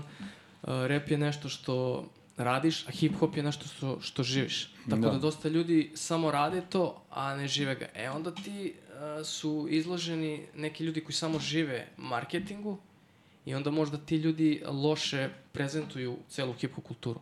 Tako da, što se mene tiče, svi ljudi koji se bave bilo čime iz hip-hop kulture, trebalo bi prvo da znaju istoriju, znanje te kulture, jer ipak im je ta kultura dala to da bi mogli da zarađuju te pare i da rade to. Što se tiče mene. I onda ja imam tu obavezu, ako već živim, da znam nešto o tome. Tako da, Aleksandra, više ne znam kako te zovem, Aleksandra mi je nekako prirodnije, a i tebi, je li tako? Može, da. Ovaj, a hoćeš Aleksandra? Ne. ne, onda... Aleksandra, ovaj je... E, e, ajde ti mi objasni tu. Znam da, znam da si emotivac, o, iako dosta dobro radiš posao koji radiš, siguran sam i kustosa i te PR varijante i po neki put si politički korektno, što nije ništa loše, ali znam da i tekako dobro znaš da napraviš razliku između onoga što je on rekao posla i ljubavi i posla i bavljenja nekim stvarima. I života. Dobro, i šta sad? Pa, Da, da, da, da. objasni mi kod tebe e, tu razliku. Ja nema ja da odgovorim na ozbiljna pitanja. da, da. Pa ne, u suštini, ako si posvećen nečemu, radiš to, širiš tu priču, to stiče neki nivo, treba da utiče na društvo. Tako da, s te strane jedna stvar, a s druge strane, ako neko radi nešto, pa se onda mm, radi to radi nekih ličnih interesa, radi neke popularnosti, ne znam, javne slike i prosto uzima od kulture i samo uzima, uzima, vraća sebi, a ne vraća zajednici. Meni je to, daje. Pa da, da. I to nešto što je besplatno, što je zapravo ta lepa energija, povezivanje, međusobno poštovanje i počast prema kulturi, recimo tako nešto. Možete da mi objasnite, ja to znam iz, ne znam, iz nekog drugog ugla, iako nisam pri vrhu eh, domaćeg, što ti kažeš, XU, ovaj, MC-eva, možda ajde kao neka srednja varijanta, Uh, kakav je vaš ono najiskreniji osjećaj kad uradite nešto, da li to bili treninzi, da li to bilo vežbanje koreografije, da li živi nastupi, kakav je onaj primarni osjećaj posle svega toga? Ok, evo, a, kren, izdvojit ću sa DJ, di, Da. DJing. Pošto ti se i time baviš, nismo dovoljno pričali o tome, ali možda sledeći put kad budete došli, bit će vremena. Može. Ovaj, tako da op- stavit ću DJing zato što a, kao DJ imam tu priliku da puštam, da vrtim muziku za plesače. I onda gledam da im dajem te neke a, sveže bitove, originalne bitove i ne samo bitove sa engleskog govornog područja, nego bitove iz Japana, Južne Koreje, Francuske, uh, XU, Sovjetskog saveza i, i tako dalje i tako dalje. I uvijek gledam da se trudim i naravno domaćicu uvijek da, da, proguram, da proguram. Kad vidim njihovu reakciju kako plešu na, na to i da ti bitovi, te trake koje sam im ja izabrao, na koje će da plešu i vidim da su baš te trake izbacile ono naj, a, najjače iz njih, da u izlazu, izlaz kad plešu, ovaj, meni je ono mnogo dobar osjećaj. Da što se kaže, ono, kliše puno srce i stvarno mm. tako se osjeća. Nije kliše. Nije Pa dobro, ali ono, ljudi kao meni je puno srce, puno srce, pa ide kao... Što Vrnjaci kažu, kakav je mi novi album? Pa ne znam, da se odlučim, sve te pesme su kao moje deca. Ono. ja jebam, mislim, ono strašno. Aleksandar, ti, rekao si već pomenuo si da Mardeljana i tu njegovu životnu priču, da to te tebe ono ko čini jačom, ali siguran sam da kad te ljudi hvale, evo ljudi te hvali na internetu, da si inspirativna osoba i da sve to. Hvala ljudi, sve najbolje. Ovaj, e, kakav je tvoj ono taj primarni neki osjećaj, mislim, da li ono kao, e, sad sam vam pokazala, ili kao, sve je cool, meni je dovoljno, ono kao, ovo što jesam. uvek mora da postoji taj neki žar i bunt i uvek da ideš ka tome da nije dosta, da nije kraj. Kada je u pitanju kramp, od krampa u Srbiji realno nema leba. to sigurno nije ples koji može da se nekako, ne znam, da se promoviše i tako dalje. Mislim, to je neko ovako uopšteno viđenje, ali ko je posvećeniji opet može naravno da napravi dobru priču od toga. Ja lično sam se oprijelila za nešto drugo, ali su meni ljudi uvek govorili šta to plešeš, kakva je to epilepsija, kakva je to glupost, to nije za devojke, od toga nema vajde. Moji roditelji su me mnogo lepo, da kažem, vaspitali, ali su uvek imali malo, mislim, ja njih razumem, malo nekog, da kažemo, neke zadrške prema plesu, ali uh, čoveka to ispunjava i neko ko te samo gura i vozi i uvek se nađu neki novi, da kažem, putejci, neka nova vrata, ti nekako napreduješ. Ja mislim da tako prosto Bog ili univerzum šalje nešto, a da ti onda to, to dalje nastaviš. I u suštini ima momenta kada se odustane, da kažem, kada poklekneš, ali meni se to nekako uvek vraća i prosto nema kraja. Can't stop, won't stop, ono. Pa da, to je ona stara priča, Da. nije koliko puta padneš, nego koliko puta ustaneš. To je negde ta, to gledam. Ali sad kažeš, porodice, bila sam na getu, doviđenja, prijetno. Da. N- tek onda neće im biti jasno šta si ti to radila, sine, u životu. Ali epilepsija to, to Da. Zato što je čudan ples, pa onda onako... I nije, vrlo je maskulin i, i tako. Mnogi ga ljudi ne razumeju, ali meni je to bila dodatna inspiracija, taj neki možda bum. Ja sam sve ovde spale, ja ne znam za tebe, dobro, ti se, ja sam možda 0,001% razumem odnosno na tebe i na Aleksandru, ali meni je ovo sve i seksi i razumljivo i sve to, mislim, ništa Aleksandra tu, ali... Pa generalno, I što je krajnje politički korektno, evo dva sata već neće odgovori na jedno pitanje. Šalim se. ne samo u ovaj, uh, kramp uh, plesnom stilu, Mhm, nego uh, bilo čime što nije isplatljivo u Srbiji. Mhm. Ovaj, te pitaju, a kao jer ima, što kaže, Šta će ti to u da, životu? Šta će to u životu? I dalje se time baviš. Da, da. Ako ne, mislim, ne znam kako ljudi da, da razumeju, nebitno samo ples. Um, svaki čovek u životu mora da ima nešto, od, č- ne, ne moraš da uzimaš pare od toga. Okej, možeš i od ovog da zaradiš, možda nećeš da živiš toga, ali možeš da zaradiš. Ali svakako svaki čovjek u životu treba da ima nešto, neki izduvni ventil. Ne znam, ako se baviš, ceo dan si u kancelariji, a košarka ti je ljubav, a nisi mu uspeo jer, ne znam, polomio si kolena i šta već, ideš uh, sa drugarima u salu i iznajmljuješ, ne znam, jednom, dva puta mesečno. Igraš za sebe. Pa da, tako Da. da. ovo je nešto slično. ovaj. Nego ljudi misle kao, pa što se time baviš, da li je isplatljivo ili ima li leba od toga, zašto mora da ima ovaj leba od toga. Mislim, Da. Ranije ni u futbalu Ti nije imalo burek, leba. šta? Pa da, pa ranije u futbalu nije imalo leba, pa su ljudi ono, igrali Da. futbal. Su Da je banalan primjer. radili l- lupom prepodne radili u nekoj zanatskoj firmi, A, da. popodne trenirali futbol, igrali po Evropi, a nije im bilo primarno zanimanje. Mi- A sad e, jahte, Bugatti, Maserati, Laganeze. Vidio sam onu glupaču, moram da kažem to, ovaj, valjda devojka ili žena od e, Ro- Ronalda, Cristiano Ronalda, mada ja sam jedan od onih koji priznaje samo jednog Ronalda, Tako je. Brazilca, ovaj drugi je Cristiano Ronaldo, i ona sad privatni avioni, pa pokazuje 60.000 na jednoj ruci, drugoj. Lutko, to su njegove pare. U redu je što si, znači, ok, da, ste, da si ti zaradilo, bre, radi šta hoćeš.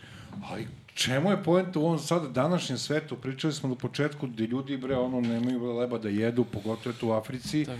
koji bi trebalo da bude najbogatiji kontinent na svetu kao u redu je jednom desiti se možda malo šampanjca, previše popiš sve to. Ali to ti bude e, stil života, kao ja sam kao, vidi kao šta imam kao. I to sve u privatnom avionu i kao sve. Izvini, a šta je tu tvoje? Spale, pitanje sa četa za tebe. Uh, kao DJ-u, koja ti je najinspirativnija zemlja za kopanje muzike? Pa sad sam nabroje već. E, ono, Ako nisu sve. čuli ljudi dobro, koja ti je najinspirativnija zemlja za traženje muzike, za kopanje? O, ok, naravno, mislim, najveća ins- ne inspiracija, nego uglavnom i kolekciju što skupljam imam najviše sa engleskog govornog područja, ali već sam na- napomenuo, planeta je veoma velika da se zadržavamo samo na jednom kontinentu i to je u ovom slučaju na Americi, jer uglavnom ljudi slušaju muziku koja dolazi iz Amerike. Tako da meni kao DJ-u, ne samo kao DJ-u, koji ljubitelju muzike, kolekcionaru ploča, mm, kopam svuda.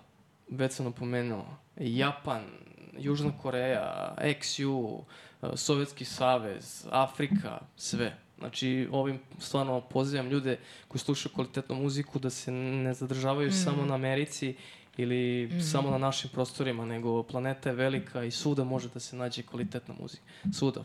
Prvo, prvi J. Dilla, koji je jedan od najboljih producenata 90-ih, nažalost, preminuje previše rano jer mogo da uradi previše toga, je kopao muziku uglavnom iz Afrike, Brazila i svega. Nije uopšte direktno kopao sa njegovog područja. Od bluza, džeza, ono što smo pričali, da. Kopao je dosta Brazila, dosta afričke muzike i to je ono, mnogo dobra stvar. Evo, naveo sam kao primer ovim ljudima koje je bliža rap muzika, ako naravno znaju ko je J. Dilla, da im približim, tako da definitivno sve države, cela planeta mi je, ove, mi je inspiracija. Aleksandra, Da. šta je tebi inspiracija da se nadovežemo na ono što Spale priča? Pa recimo, kada sam pokrenula, uh, ajde da kažemo, ekipicu i platformu Cramp Up uh, 2020. godine, tada je bila, da kažem, korona situacija i tako dalje. I mi smo mnogo bili u nekom bedaku, pa smo imali, da kažem, neke tajne treninge i tako dalje. I u suštini inspiracija je to što voliš i da, iako se dešavaju loše stvari, da nekako, da ideš dalje i to povezivanje sa širom zajednicom.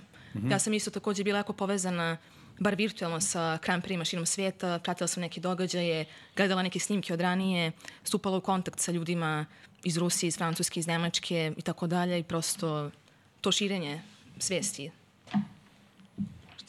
Znači, oboje bi bili u principu ne bi li imali ništa protiv da zaradite milioni ili milione od ovoga, ali u principu bi bilo najbolje da ono kad, kad, kad radite i kad se bavite svom karijerom da ste na foru stotine i stotine ljudi, da ne kaže hiljade su mojim pravcem krenuli, naučili nešto od mene kao što sam ja naučio od drugih i to je neko ono o čemu oboje pričate stalno neko duševno ispunjenje.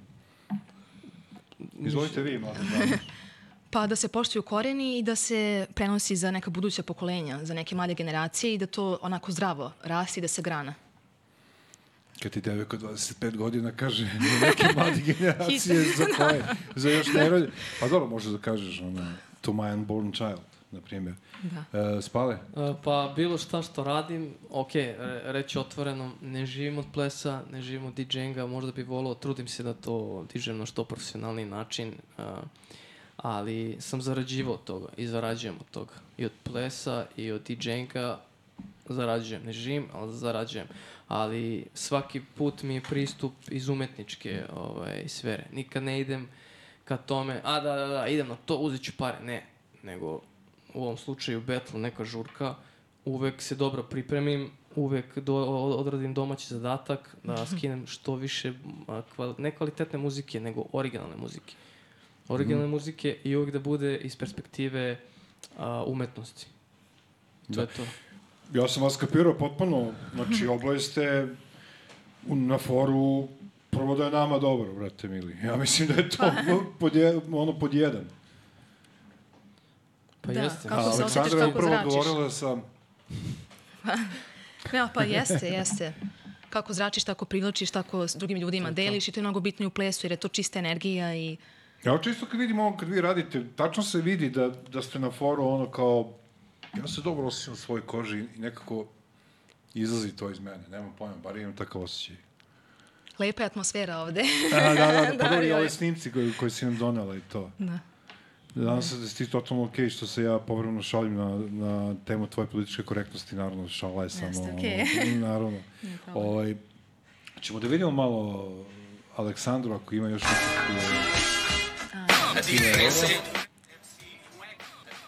Pa da nastavimo sa Muziku, da, pitanjem. da. Mogu da-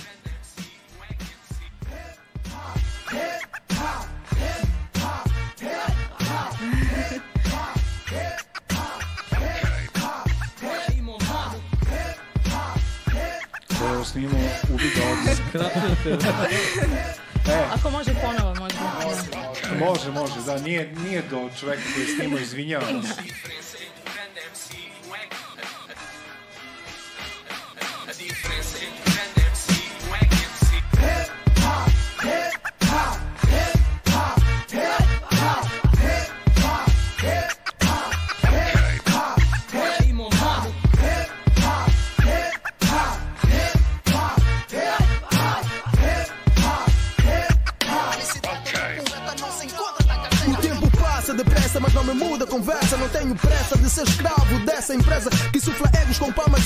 Sonhos nas camas. Desde que entrei nessa cena, eu nunca fui coisa pequena. Eu dei sentido ao RP que era feito nessa terra. Antes de mim era só treta, eu trouxe a rima certa, a correta, mano. As palavras exatas são tantas as almas que toquei quando. Evo jedna pesma koja možda se iskoristi za Cypher neki ili možda battle, više Da. više za Cypher. Ovaj, je eto, iz Afrike. Da, u pitanju je reper Cool Clever iz Angole. I kada je bila izložba uh, Reflekt 2 koja je bila posvećena savremenoj afričkoj umetnosti Angole, uh, imala sam priliku da osmislim tu radionicu kao za decu, pa je bio hip hop ples i ovo je bio prvi video koji je bio kao promo video i tu smo nekako povezali eto, afričku dijasporu, savremenu kulturu i, i tako. Da. Mi ćemo ovo da vrtimo u emisiji, samo da znaš. Imamo sad na PC-u, tako da...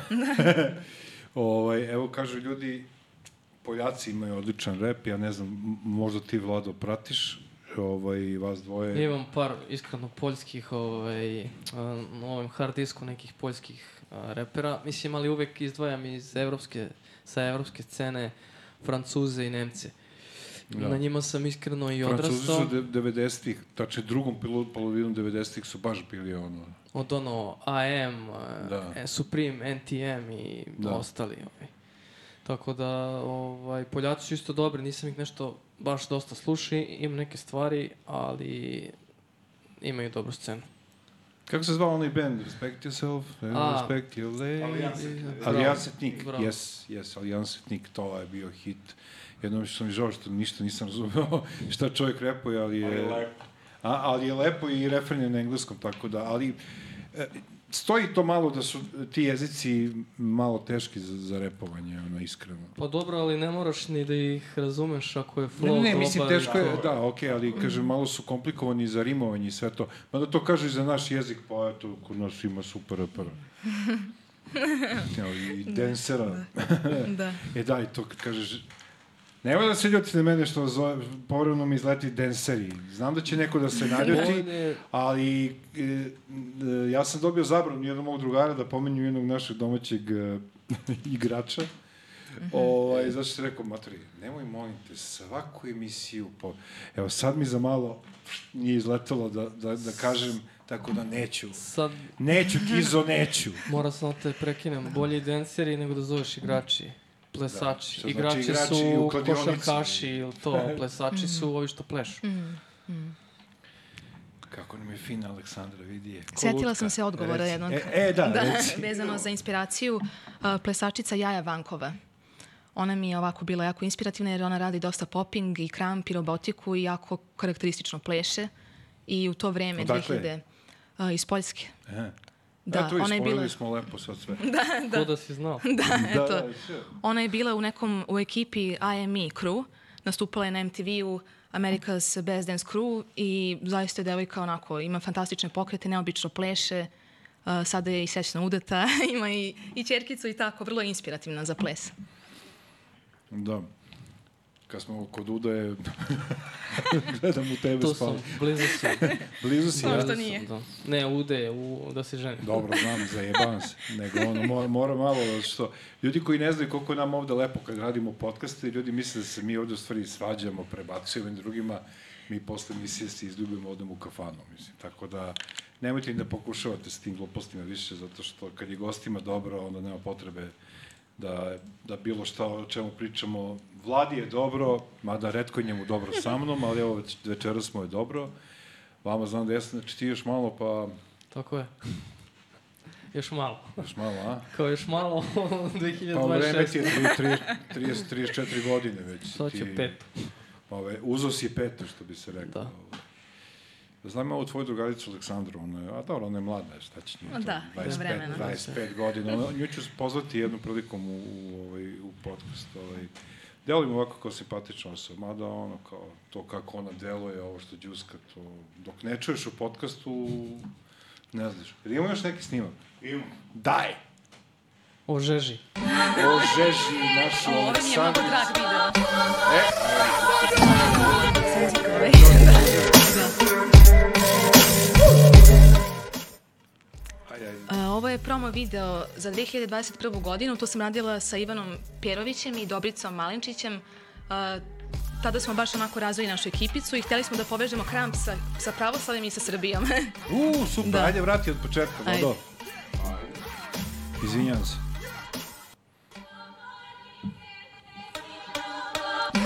Malo i pesma asocira. Da, da. I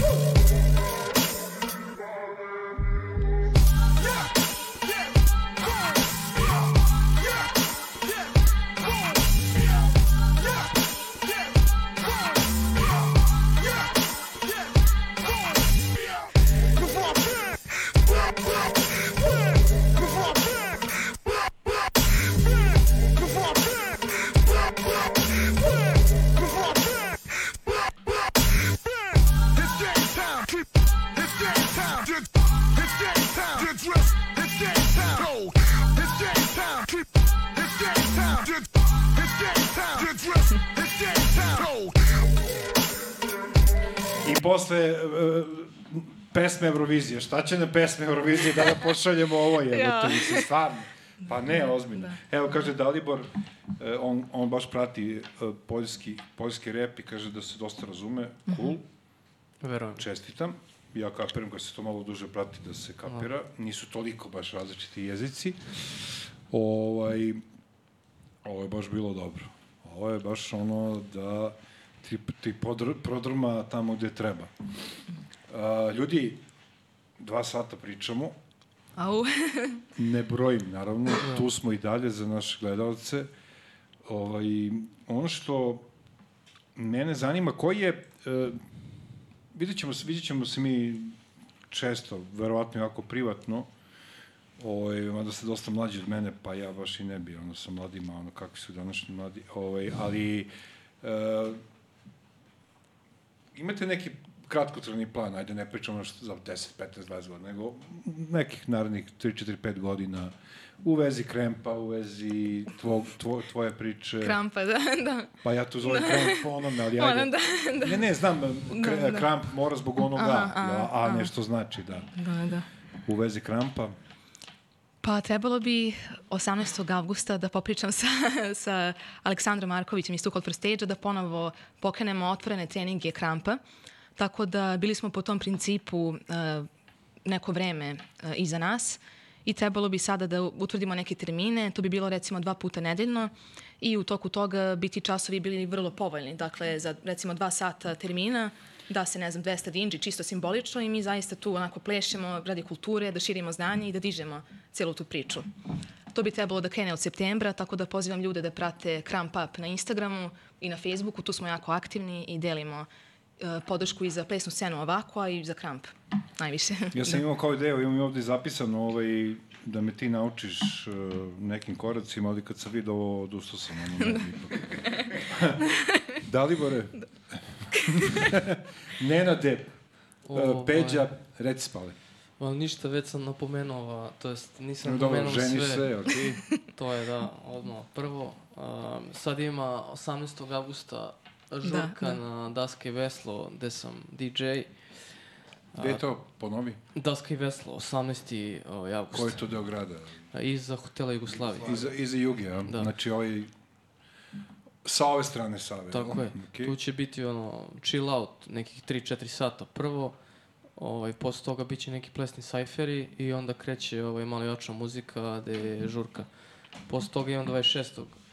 augusta Juice Battle što sam napomenuo, pa 2. septembra Popping Battle, 24. septembra All Style. Tako, tako da sam bukiran za sad za to.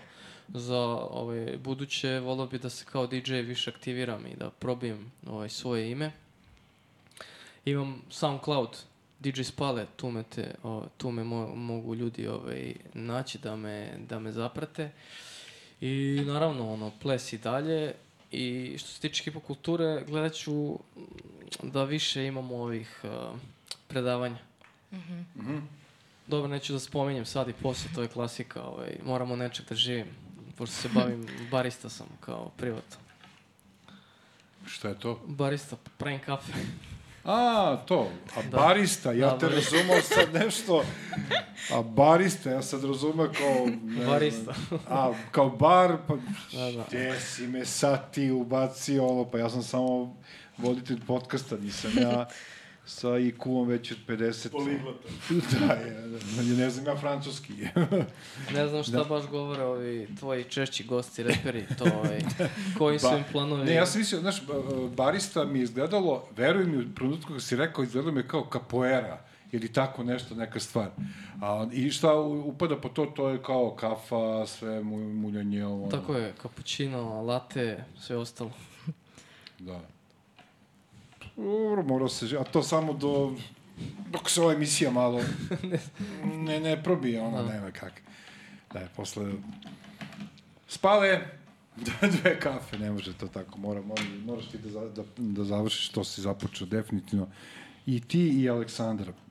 Aleksandra, kraća, kraća, pardon, uh, u neku narednih par godina, pošto ti samo pričaš što je bilo ranije kad sam bila mlada, ja stvarno ne znam šta si sad, ali ovo je fenomenalno, ovo zaista treba, ovo ćemo da puštamo, ovaj, ovo treba ljudi da vide.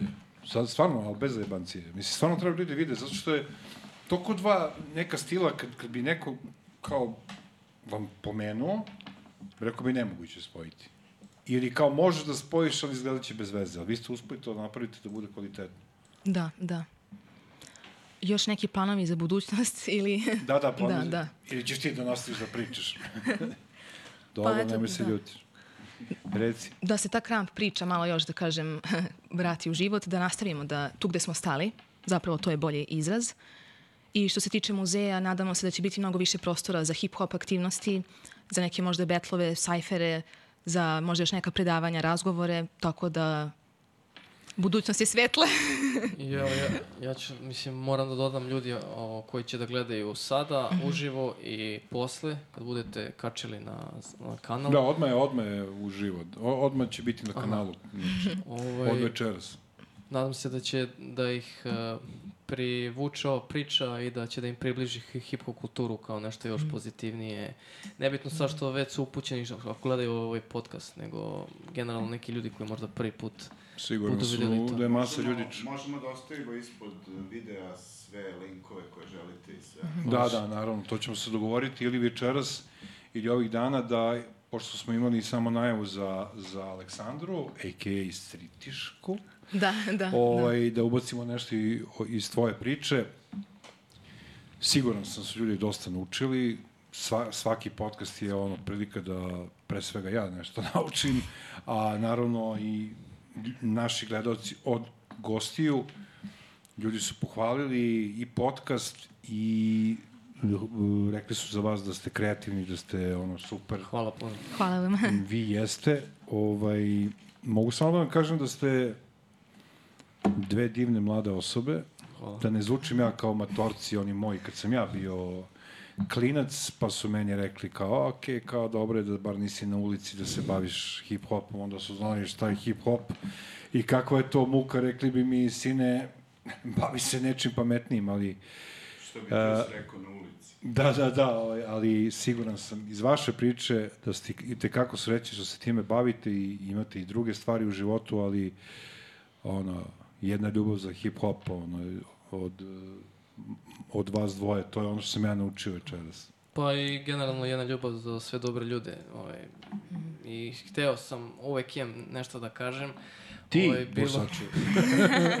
Da, to me i my, ovaj, Risto, my people uvek ovaj, zezao, mislim, na tribinama kad je organizovao u ovom SKC-u, uvek kao, pa da, ajde, nisi rekao dugo nešto. Da, da.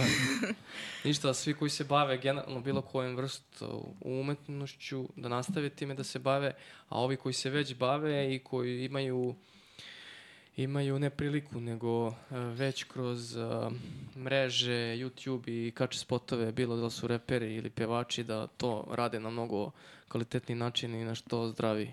Eto, to, to bi im poslao tu poruku. Aleksandra, za kraj. Slažem se sa Spaletom, što je rekao ovo poslednje. Pa u suštini da, ko je već u ovome da ga ovo dodatno inspiriše i da se uvek ide napred. To je to. Divni ste ljudi. I dobili ste dva nova fana, pošto znam da je i vlada fan od večeras vaš. Apsolutno vas obožavamo i čekamo da do nove godine ponovo dođete kada prođu svi ti e, nastupi, nove stvari. E, Vlado, ako imamo još neki od fajlova da pustimo, Hoćemo jedan još, a? možemo još jedan do samog kraja. Spale i Aleksandra bili s nama. Y'all gon' make me lose my mind. Na Up in here, up in here.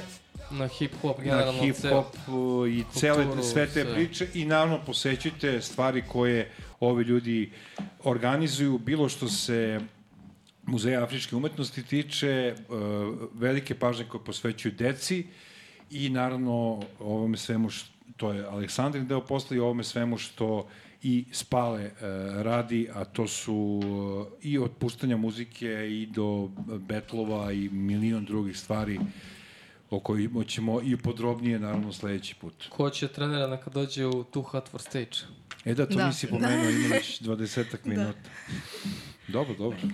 Izračunat ćemo sve to na kraju. Ljudi, ljubimo vas, mnogo ste dobri. ostanite uz Geto podcast. To je bio Geto podcast broj 10.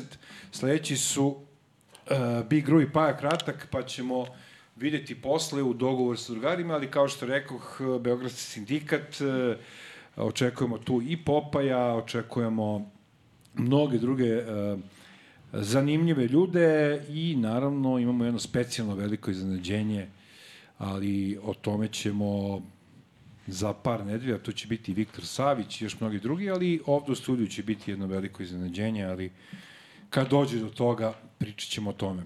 Ljudi, svako dobro vam želim, takođe. da ste živi, Hvala, zdravi pre takođe. svega Hvala na i da se vidimo neki put i na kafi, ovaj, kad već nije Apsolutno. Da, Bila da, nam je hvala. privilegija. I Ćao svima. čast. Ćao. Da, doviđenja, laku noć. Najbolje.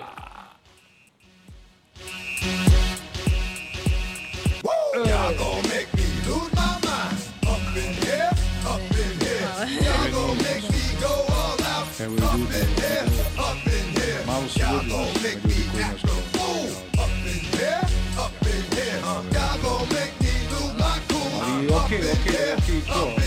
got to bring it to you cowards, then it's gonna be quick. Alright, oh, when your man's been in jail before, suck my dick and all the motherfuckers. I know you gonna dig this.